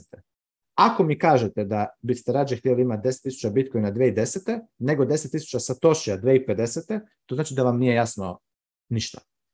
Jer 2010. 10.000 bitcoina je ništa. Ko da vam sad dam neki ono tokenić koji je ono, Magic Internet Money s kojim ne, ne znate niti šta je to. Nemate kontekst uopće. Niko ne bi držao. Šta? 10.000 bitcoina 2010. je bez, praktički bezvredno. Laslo Hanjec ga je uspio prodati i dobiti dve, dve velike pice. Znači neko ko sada, a ja sam general poslije bitke, ja znam što se desilo nakon toga. Ma daj majmune jedan, da ti, da te ja teleportiram u to, u to doba, šta biš ti, ti bi, dobio bi 10.000 nekakvih ono kojna na nekakvom softveru kojeg znaš ni sam kako se s njim ono šta bi sad tu trebao ja s tim napraviti ok ono who cares dobro daj, daj mi sljedeći ono attention spend bi ti bio ono vinske mušice. Prima tome, šta bi ti znao šta je 10.000 bitcoina tad? A 10.000 satošija 2050. godine, koji ti mogu kupiti možda ono, ne znam, kuću, a sad 10.000 Satoshi ono, platiš samo nekakvu glupu, uh, ono, exchange rate fee ili, ili withdrawal fee ili nešto tako. Mislim, tako da ne, think, think, think, ono, sve će biti u redu. Samo se pomalo učite i bit će sve super. I mi ćemo vam biti tu u ovome, kao support, support grupa crazy people. So. Moram evo bitku pokazati da nosim danas ovu bulu. E, dečki, moramo napraviti 21 majce. Vidio sam na Twitteru da su ovi Ajnum Cvancik i ovi svi prijevodi su imali, vidio sam neke majce da cirkuliraju. Mislim da bi bilo dobro da, da napravimo. Ako, tako da ako znate koju dobru majca print, e, ja bi naručio ono, da, to bi, to bi trebalo napraviti. Ja sam vidio i na Rabu kad sam bio da GG ima kapu isto 21, e, oni imaju cijeli, oni imaju cijeli očito merch. A ne znam ko to kojiš, mislim, ima vjerojatno u Zagrebu sigurno ima dobrih e, pa ima, da ja nemam, mhm. ja nisam to prečesto radio, ali mogu se raspitati, mislim, treba pogledati, sigurno mogu ja to, mogu ja to organizirati, ako ja danas na večer odlazim iz Zagreba i neće me biti neko vrijeme dolazim tamo mati, mati u blizinu. A, Onda ćemo treba u naći nekog printera. Da, te, ne, treba sam, ja sam trebao već biti na moru, ali ta bolest nas je malo. Danas mi je trebao biti prvi, prvi ovoga podcast s mora, ali me bolest malo nas je razjebala sve, pa smo pomakli planove, tako da danas na večer idemo. Pa znaš šta, možda bi se ja mogao zaletiti malo do, do Istre i do Pule, ovako jedan dan Ehm, Ajde, na Da, Ajde, sljedeći vikend ćemo onda snimiti nešto uživo i, ići na pa more. možda, da. Čekaj, ti, ti Nikica ideš u Poreć, ili? Kako Ne, u Rovinj, Rovinj. U Rovinj, u Rovinj. Dobro, to je sve nekako ma, kao polu... A Rovinj Pula je pola to je sata. da. To je pola sata, da, da. To se, to se da riješiti. Pa da, možda bi se moglo nešto. Vidit ćemo. Ajde, ajde, Lux je ovdje, pa ćemo se... Ono, da, Lux se moramo poznati uživo. Moram mu malo, ovaj, tamo sam slušao da, da nešto širi neki patak fad vezano za, za, za Moon, moram ga malo iz... Eh, pa ono. Znači, ako mi ne krene u duboku, objašnjenje tehničke infrastrukture, da mi objasni točno šta je svaki derivation path, šta je submarine swap, da mi cijelu mi arhitekturu Muna mora, mora napraviti i onda moram ga vidjeti kako je on iskoristio onaj GitHub uh, tool za, za recovery u slučaju da, da izgubiš. Jer se ja to sve by the way prošlo, tako da nije da idem rekomendat ljudima uh, wallet bez da sam ga dobro istestirao sam. A rizik zašto, zašto recimo ja sam prestao rekomendat Blue Wallet početnicima je zato što uh, Blue Wallet je, od, ja sam imao je dugačak period kad sam baš Blue Wallet rekomendao početnicima. Samo što je išu sa Blue Walletom iz moje perspektive za početnike, ne za advanced usere, za, početnike išu je taj što broj jedan, eh, kada exchangeaju male, a ja, mislim da je za početnike najbolje da exchangeaju male iznose, tipa par eura, 10-20 kuna, da, čisto, da, čisto da dobiju feeling da da im, se riješi ona, ona, blokada retardirana da ajme meni Bitcoin je 30 e, tisuća eura, jedan cijeli, ja ne mogu to ulagati, pa ću onda ići ulagati u neki shitcoin XRP, jer on ima mogu dobiti puno više tih novčića, znači taj unit bias. Zato, zato ja volim ljudima, ljudima onboardat ono, ovdje sjednemo na kavu, šta je ova sad kava, 10-15 kuna, ajde razmijenit ćemo 10-15 kuna u Bitcoin, odmah sad at the spot, čisto da i onda gledaj svaki dan, pa gledaj volatilnost, ono, nauči se e, za to. To mi se pokazalo kao najbolji način za onboardat e, početnike.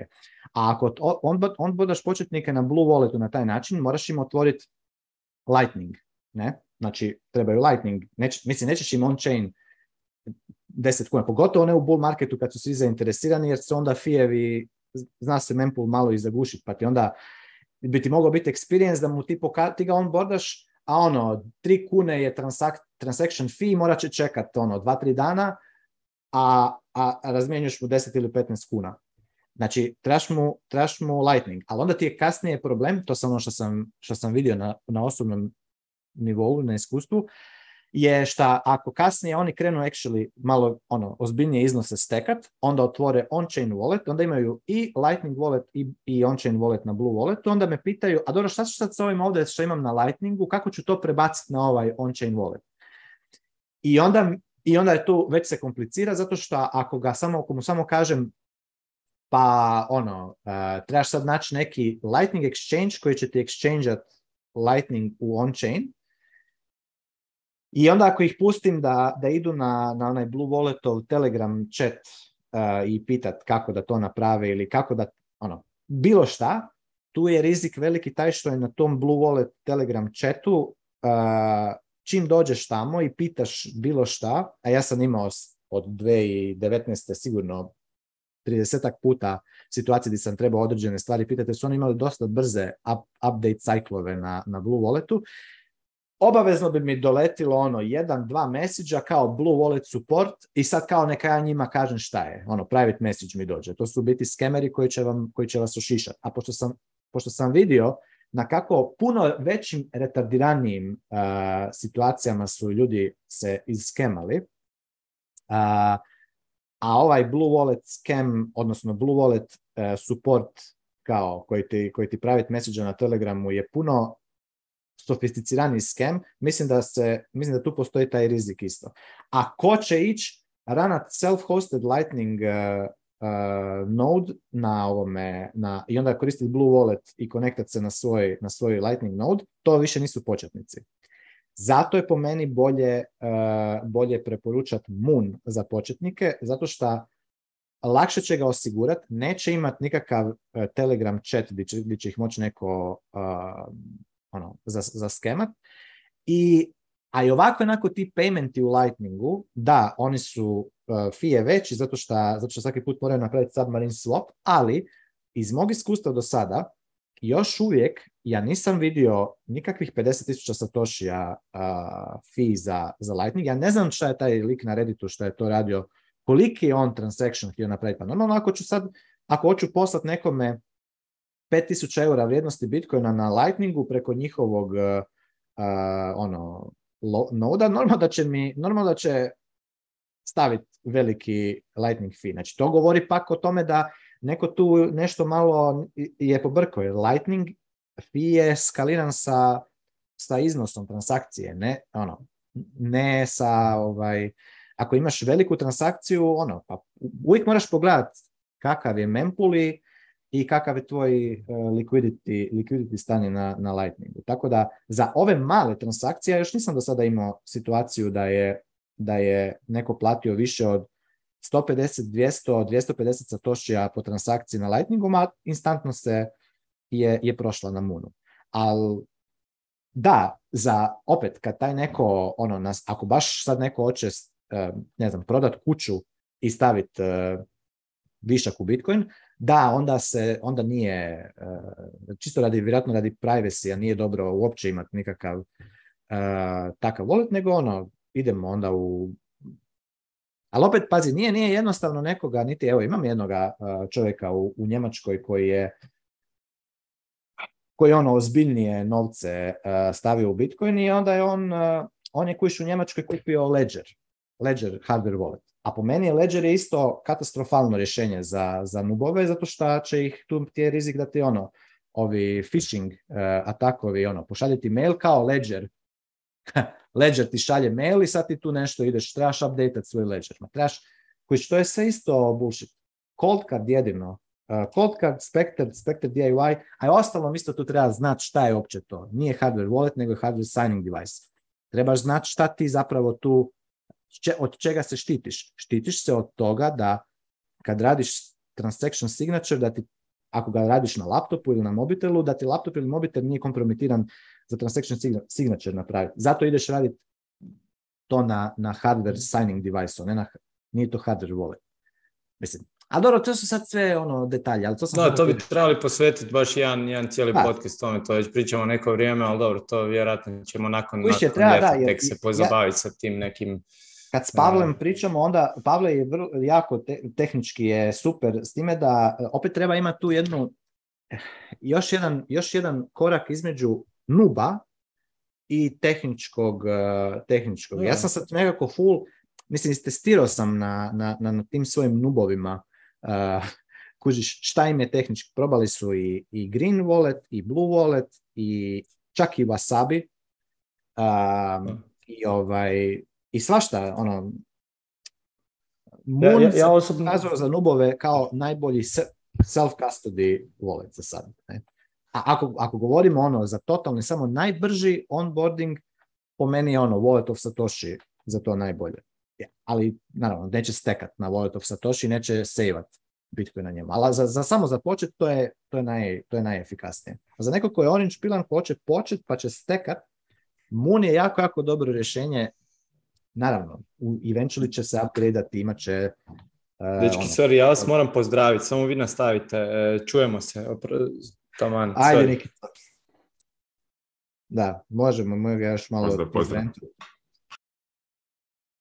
Uglavnom, to sam samo Uglavnom, definitivno moramo onda snimiti uh, tebe i Luksa o te raspravi, to, to će biti content za sva vremena. Da, jer Lux je preporučio, mislim, njemu je dobar ovaj Blixt, ja nisam taj e, Blix niti probao, jer je ono, to je još uvijek ne, ono, alfa, e, mislim, ili beta e, software, niti ga nema, mislim, treba isto imati u obzir to da kad, kad ljudi poč, onim početnicima, uh, trebaš im moći preporučiti nešto što je i na Androidu i na iPhoneu dostupno.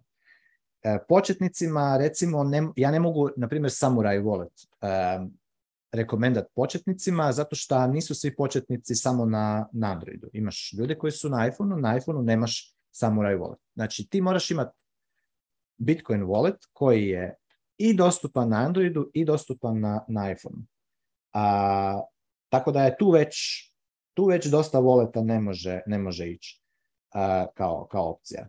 A, a, da, da bi ja trebao isto step upat i, i u biti recimo onboardat ljude na Lightning direktno, ali na način da im instaliramo recimo da im instaliramo Zeus wallet na, na, na, na, mobitel i onda da ih konektam na svoj Lightning node i da otvorim channel, da ih ja ono, kompletno ono, praktički capturam u taj, u taj funnel i da ih tako onboarda, da, to bi trebalo. Ali to ja još uvijek nemam vremena, mislim da nemam vremena, mogu bi se bolje organizirati. Ali da, to bi bio recimo nekakav možda još bolji ono, guide, bolji way. Ali ideja je samo to da kad ti orange pilaš ljude, ti moraš njih pratiti. Ne možeš ti njih pustiti ono ko, ko guske u magli. Mislim, ne možeš. Možeš, pa ono, ko vas šiša. Ali, ali ljudi će pitat. Eh, ja imam isto osjećaj ono, odgovornosti na neki način da kad preporučam ljudima eh, stvar koju, koju će koristiti, da je to maks, mislim da je, da je to ono što bi ja koristio na njihovom mjestu. Ne? Znači, moram se moći staviti u, njihovu, u njihov shoes. A ako nemaju, i nije uvijek ista preporuka. Kuš, nije uvijek ista. E, nekoj osobi koja je u penziji, e, imam ja tu tako jednu osobu koja je ono, koju su zaskemali za 7000 eura, e, su joj ono, posisali sa, sa bankovnog računa, za nju nije nikakav self-custody. Nije. Jednostavno nije. On, e, preveliki rizik da, da, da, da izgubi to, uh, da, da jednostavno ne zna šta, šta s tim napraviti. I da, i rizik je kastodijan, ali je, ali je taj rizik manji nego ovo tu. Dok ne, ako, ako, ako dođe informatička pismenost na razinu i informacijska pismenost informacijske sigurnosti na razinu da može self, self custodijat Bitcoin, odlično, ja sam ono all for it. Ali nisu svi na tom, uh, na tom nivou. Jednostavno nisu. Tako da nije za svakog početnika isti recommendation. I ne treba tu imati nikakve pretjerano ono, e, a, a svaku stvar koju ideš rekomendat moraš prvo sam in, in and out proučit. E, I ako nisi recimo na Moonu išao sam downloadat onaj bit, GitHubov uh, alat i actually restorat wallet uh, pomoću onoga emergency kita gdje imaš oba dva private kija a ti nemaš, ne, nemaš, ne, ne, ne, smiješ ti ništa niti rekomendat, niti ne rekomendat. To moraš proći napraviti. Tako da ja Luksa pozivam neka krene to napraviti, neka krene actually uh, proći to, ja sam to napravio i prošao sam i i isto mi je došao jedan, uh, jedan error na tom, na tom procesu, ali sam se javio odmah e, u ovima u Munu i oni su odmah odgovorili i rezolvali su by the way taj, uh, taj error i sad u ovoj uh, verziji, to je bilo još dosta, dosta, dosta prije kad sam to napravio. Nije bilo u zadnjih mjesec dana. Znači, to je, to je riješeno, tako da to radi, to funkcionira. A, ovaj, a da je, mislim, da Moon ima dobar user interface, ima. I po meni je jako dobro to što je fokusiran samo isključivo na tako simple user interface. Ja ne volim stvari koje... recimo nisam, nisam oduševljen sa Breeze Walletom, iako je probao sam ga i super, ali ja mislim da što ti više imaš kojiš Breeze Wallet ima i ono uh, streaming je za, za, za podcaste, ima i Lightning ono paymente, ima i e, kako se zove ovaj klinac Uglavnom, ima, ima, e, da, ima ovaj kao POS, e, point of sale, kao mali nekakav uh, option. što ti imaš više stvari, to su ti šlampavije svake od njih. E, Blue Wallet, recimo, ja, ja mislim da je u Blue Walletu e, like, znači, recimo to što imaju i multisignature, ono, vault, i to što imaju sve, ono, sve ove Uh, on-chain tipove adresa koje možeš otvoriti i Lightning je isto po meni malo previše, po meni.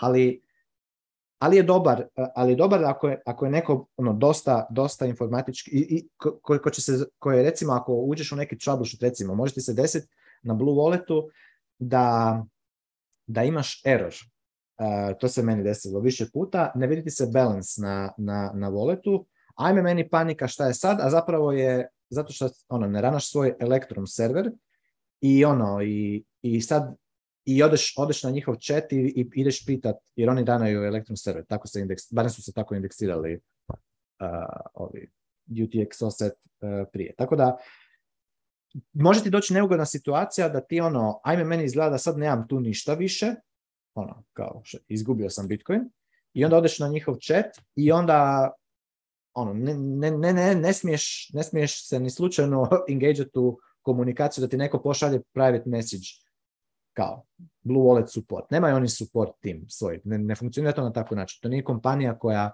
koja plaća ljude da ti, da ti rade support. Uh, to je on, open source projekt.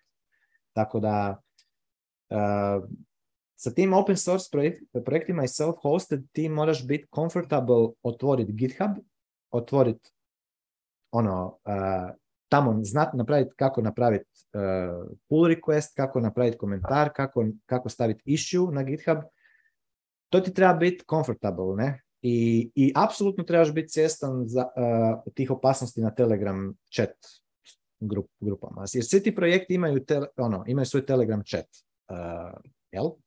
A Telegram chatovi su infestani sa, sa skemerima koji samo čekaju nubove da im ono, pokupe satošije.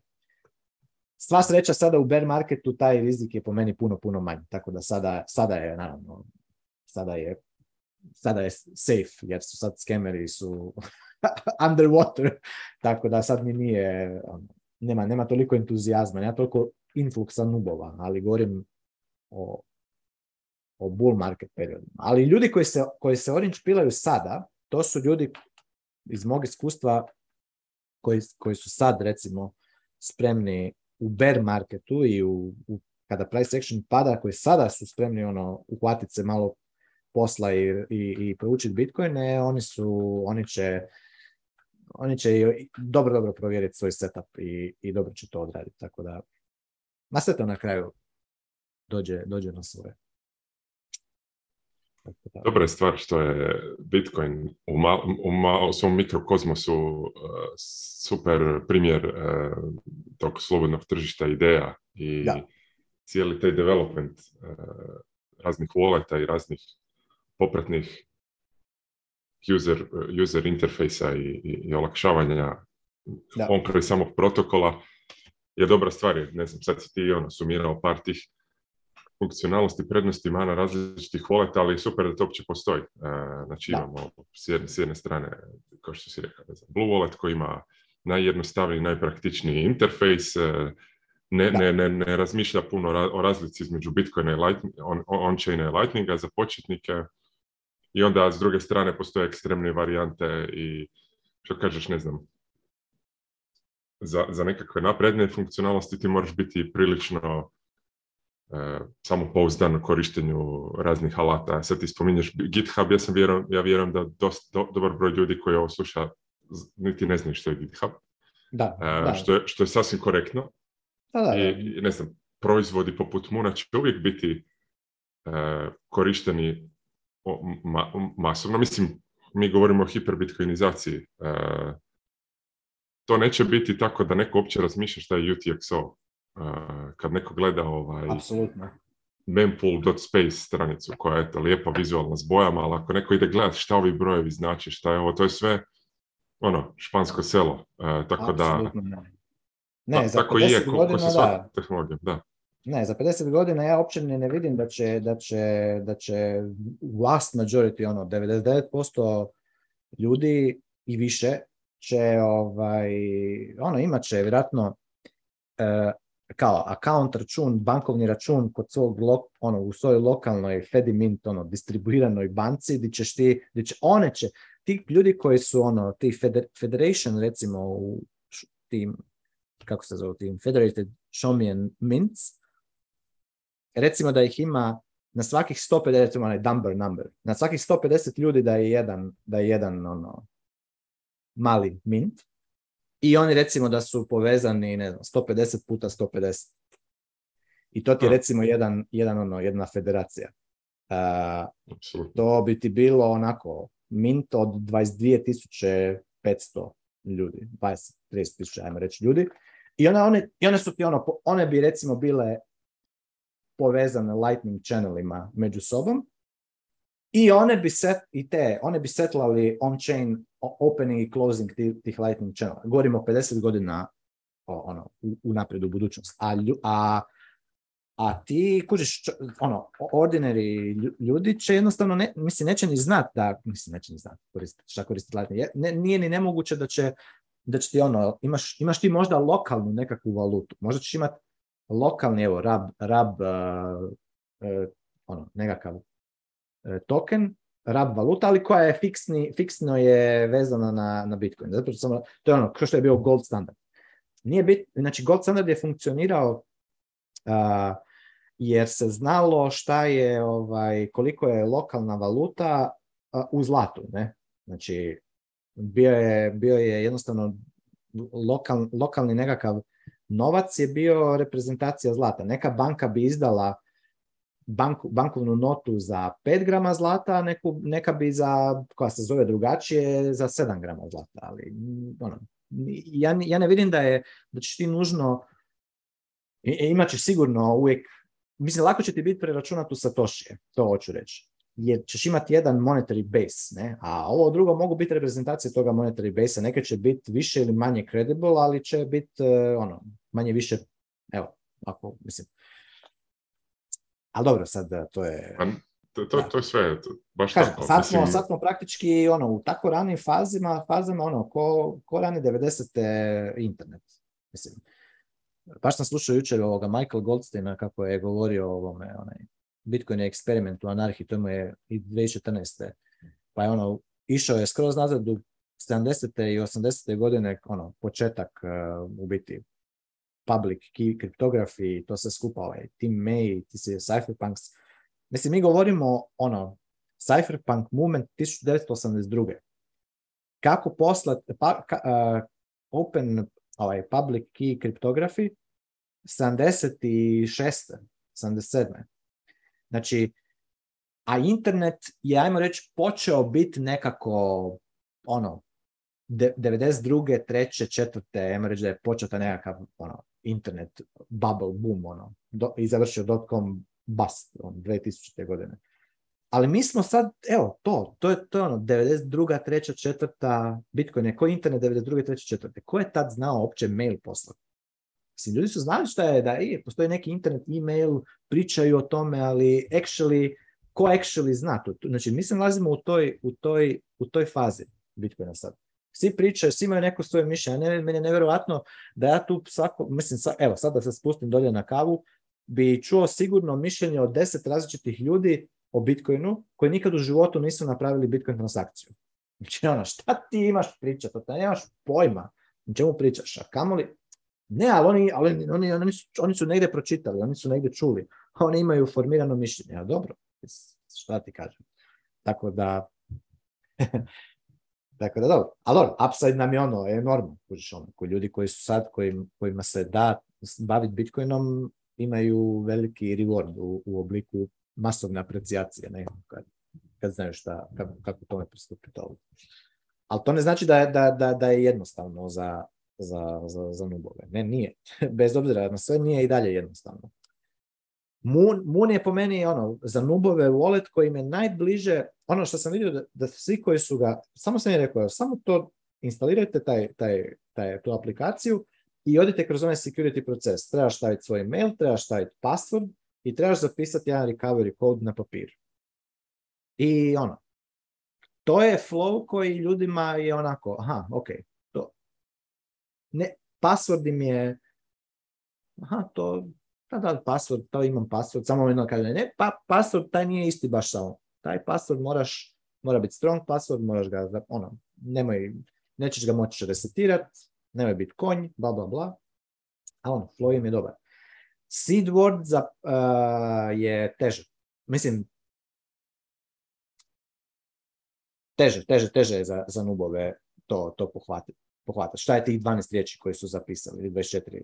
I da li oni mogu... A šta ako Blue Wallet e, nestane? Šta će onda s tih 12 riječi? Aha, a e, onda ćeš trebat znat, trebat ćeš da li si, mislim, ili ćeš ići testirati derivation path, ali trebaš zapamtit da li si otvorio legacy wallet ili BEC32, šta si, kakav si wallet otvorio? dobro, mislim, neki Bitcoin će mu uvijek pomoći u tome, ali stresno može biti full za, za ljude. Jer kažem, kažem šta, da, šta da sad Blue Wallet cenzuriraju e, sa, sa, sa App Store i Google Play Store? Nije nemoguće, ali ono, mogu, mislim, moguće je na kraju krajeva. Re, će, mislim, neki Bitcoiner, ono, iskusni će ti uvijek pomoći recoverat e, taj, taj, taj tvoj Bitcoin, ali e, ono, ali taj stres, ja mislim da ga je bolje avoidat, tako da se nubovima, da, da se nubove baš stavi ono, na taj nub path.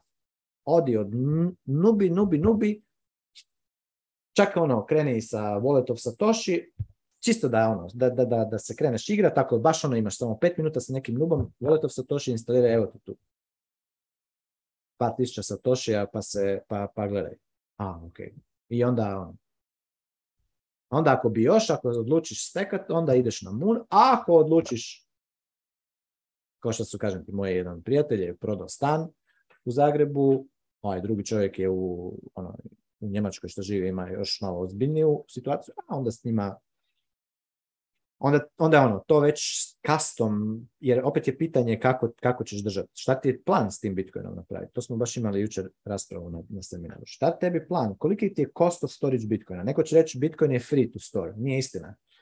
Cost of storage Michael Sayloru koji recimo ima 17.000 bitcoina ono, svojih osobnih i on želi da on, on ima svoj legacy. On hoće da on ima kad umre još 500 e, godina da se zna za njega i kako će on storati to? Kako će on storati te bitcoine da se to sve zapravo tako odvije kada, kada njega više ne bude. Znači on ne može samo downloadat Blue Wallet i memorirat 12 riječi. Jer ako to napravi, njegove Bitcoine će biti donirane i svima. Ne? A ono, ako baš ima plan šta hoće s njima napraviti kasnije, njegov storage može biti vrlo kompleksan i koštat. Ne? Tako da, ono, to su sve stvari koje, koje imaju svoju imaju svoju logiku, ne? Da, da, točno, i danas ovo... Ah, to su... bear market, market tako lijepo. Da, Možeš ući dublje. U, mirno more. Matija, moramo ti ja jednu samo posvetiti filozofiji. Dobro, onda ćemo te ugostiti jedan ponedjeljak popodne. Snimi sa mnom. Jedan ponedjeljak popodne. Pa e, morat ću te pitati isto ja par stvari o, ovaj, o nečem što sam spomenuo na rabu, ali sad da ne, ne, ne spojlamo, reći ću ti ovaj sa strane. Može, može, može. Može, može, pa ćemo malo ovaj, sad imam, sad imam 23. sam se dogovorio sa onaj, onaj Bitcoin stoa. Niko nešto je organizirao za ove... To su oni Kanadžani, jel? Kanadžani, da, onaj Bitcoin Trackers. Mm. Sad ćemo imati svaki mjesec e, jedan Orange Pillars kao session call. Jer on isto Orange Pila ljude i onda je dobro. Možda će čak i doći e, tamo u 9. 10. mjesecu e, malo u Hrvatsku vidjeti kako se, šta se tu dešava Uh, pa, da. Jer ono, orange pilanje nije, nije to tako, nije to tako simple. Mislim, je, ali i nije. A, nije to, nije to uvijek zahvalan posao. Pa nije, da, da, da, da. Nije zahvalan. Ali ne znam, meni je to nekako išlo, to orange pilanje, eh, zadovoljan sam s tim brojem ljudi koji su, koji su ipak odlučili mi vjerovati na, na mislim, na kraju tebi oni ipak vjeruju.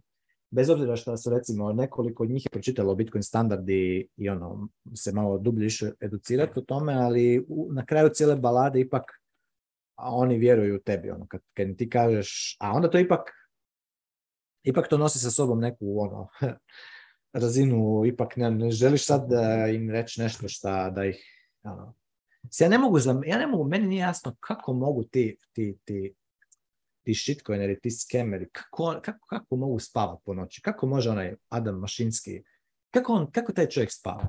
Pa da za, zaboli ga ona stvar, ono, za... Ali vidi, e, znači to, to je sve proizvod e, nihilizma i pale moralnosti. Meni je super analogija kad ti u, orange pilaš i uđeš u Bitcoin ili nekog plasiraš u Bitcoin, to je kao, ajde, kreni se baviti fizičkim fitnessom ili ne znam bodybuildingom i treba će ti sto godina da dođeš do neke, ovaj, zadovoljavajuće forme, bit će padova i uspona, osjećaš se da želiš odustati tisuću puta, a s druge strane, evo ja ti mogu dati ovaj shitcoin koji ti je kao steroid na igli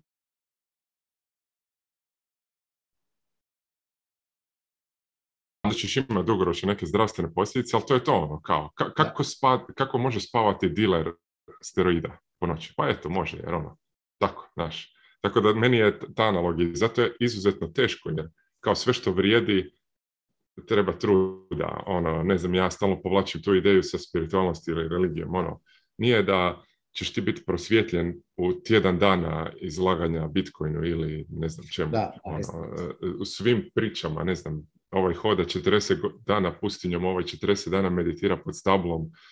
E, te, te stvari vrijede zato što je uložen taj proof of work koji je opet ono, na, na svim razinama se javlja. A sad ako je neko, znači ono, i opet kako Morpheus kaže Nio, e, ja ti mogu samo pokazati vrata, ti moraš proći kroz njih. Ono što mi radimo je pokazujemo vrata, e, jer smo vidjeli i prošli kroz njih. A sad ako neko ne želi, okljeva, vrati se kroz vrata, u konačnici to je svačije individualna, ono, individualni izbor. I, I, to je to. I zato je to ponekad frustrirajuće i meni, kako se ja trudim špirat ljude, jer kad uspijem, super, to je divan, divan osjećaj, ali desi se situacija da ljudi hodaju prema tim vratima, pogledaju što s druge strane i kažu, ma, ne znam ja. I onda se vrate nazad i onda ono, pa ne, zašto to radiš? Premda još nisam, ne znam, osobno znam da je postoje neke online persone koji su napravili onaj cypher move iz Matrixa gdje su bili u Bitcoinu pa su se vratili nazad u, u prvi Bitcoin svijet.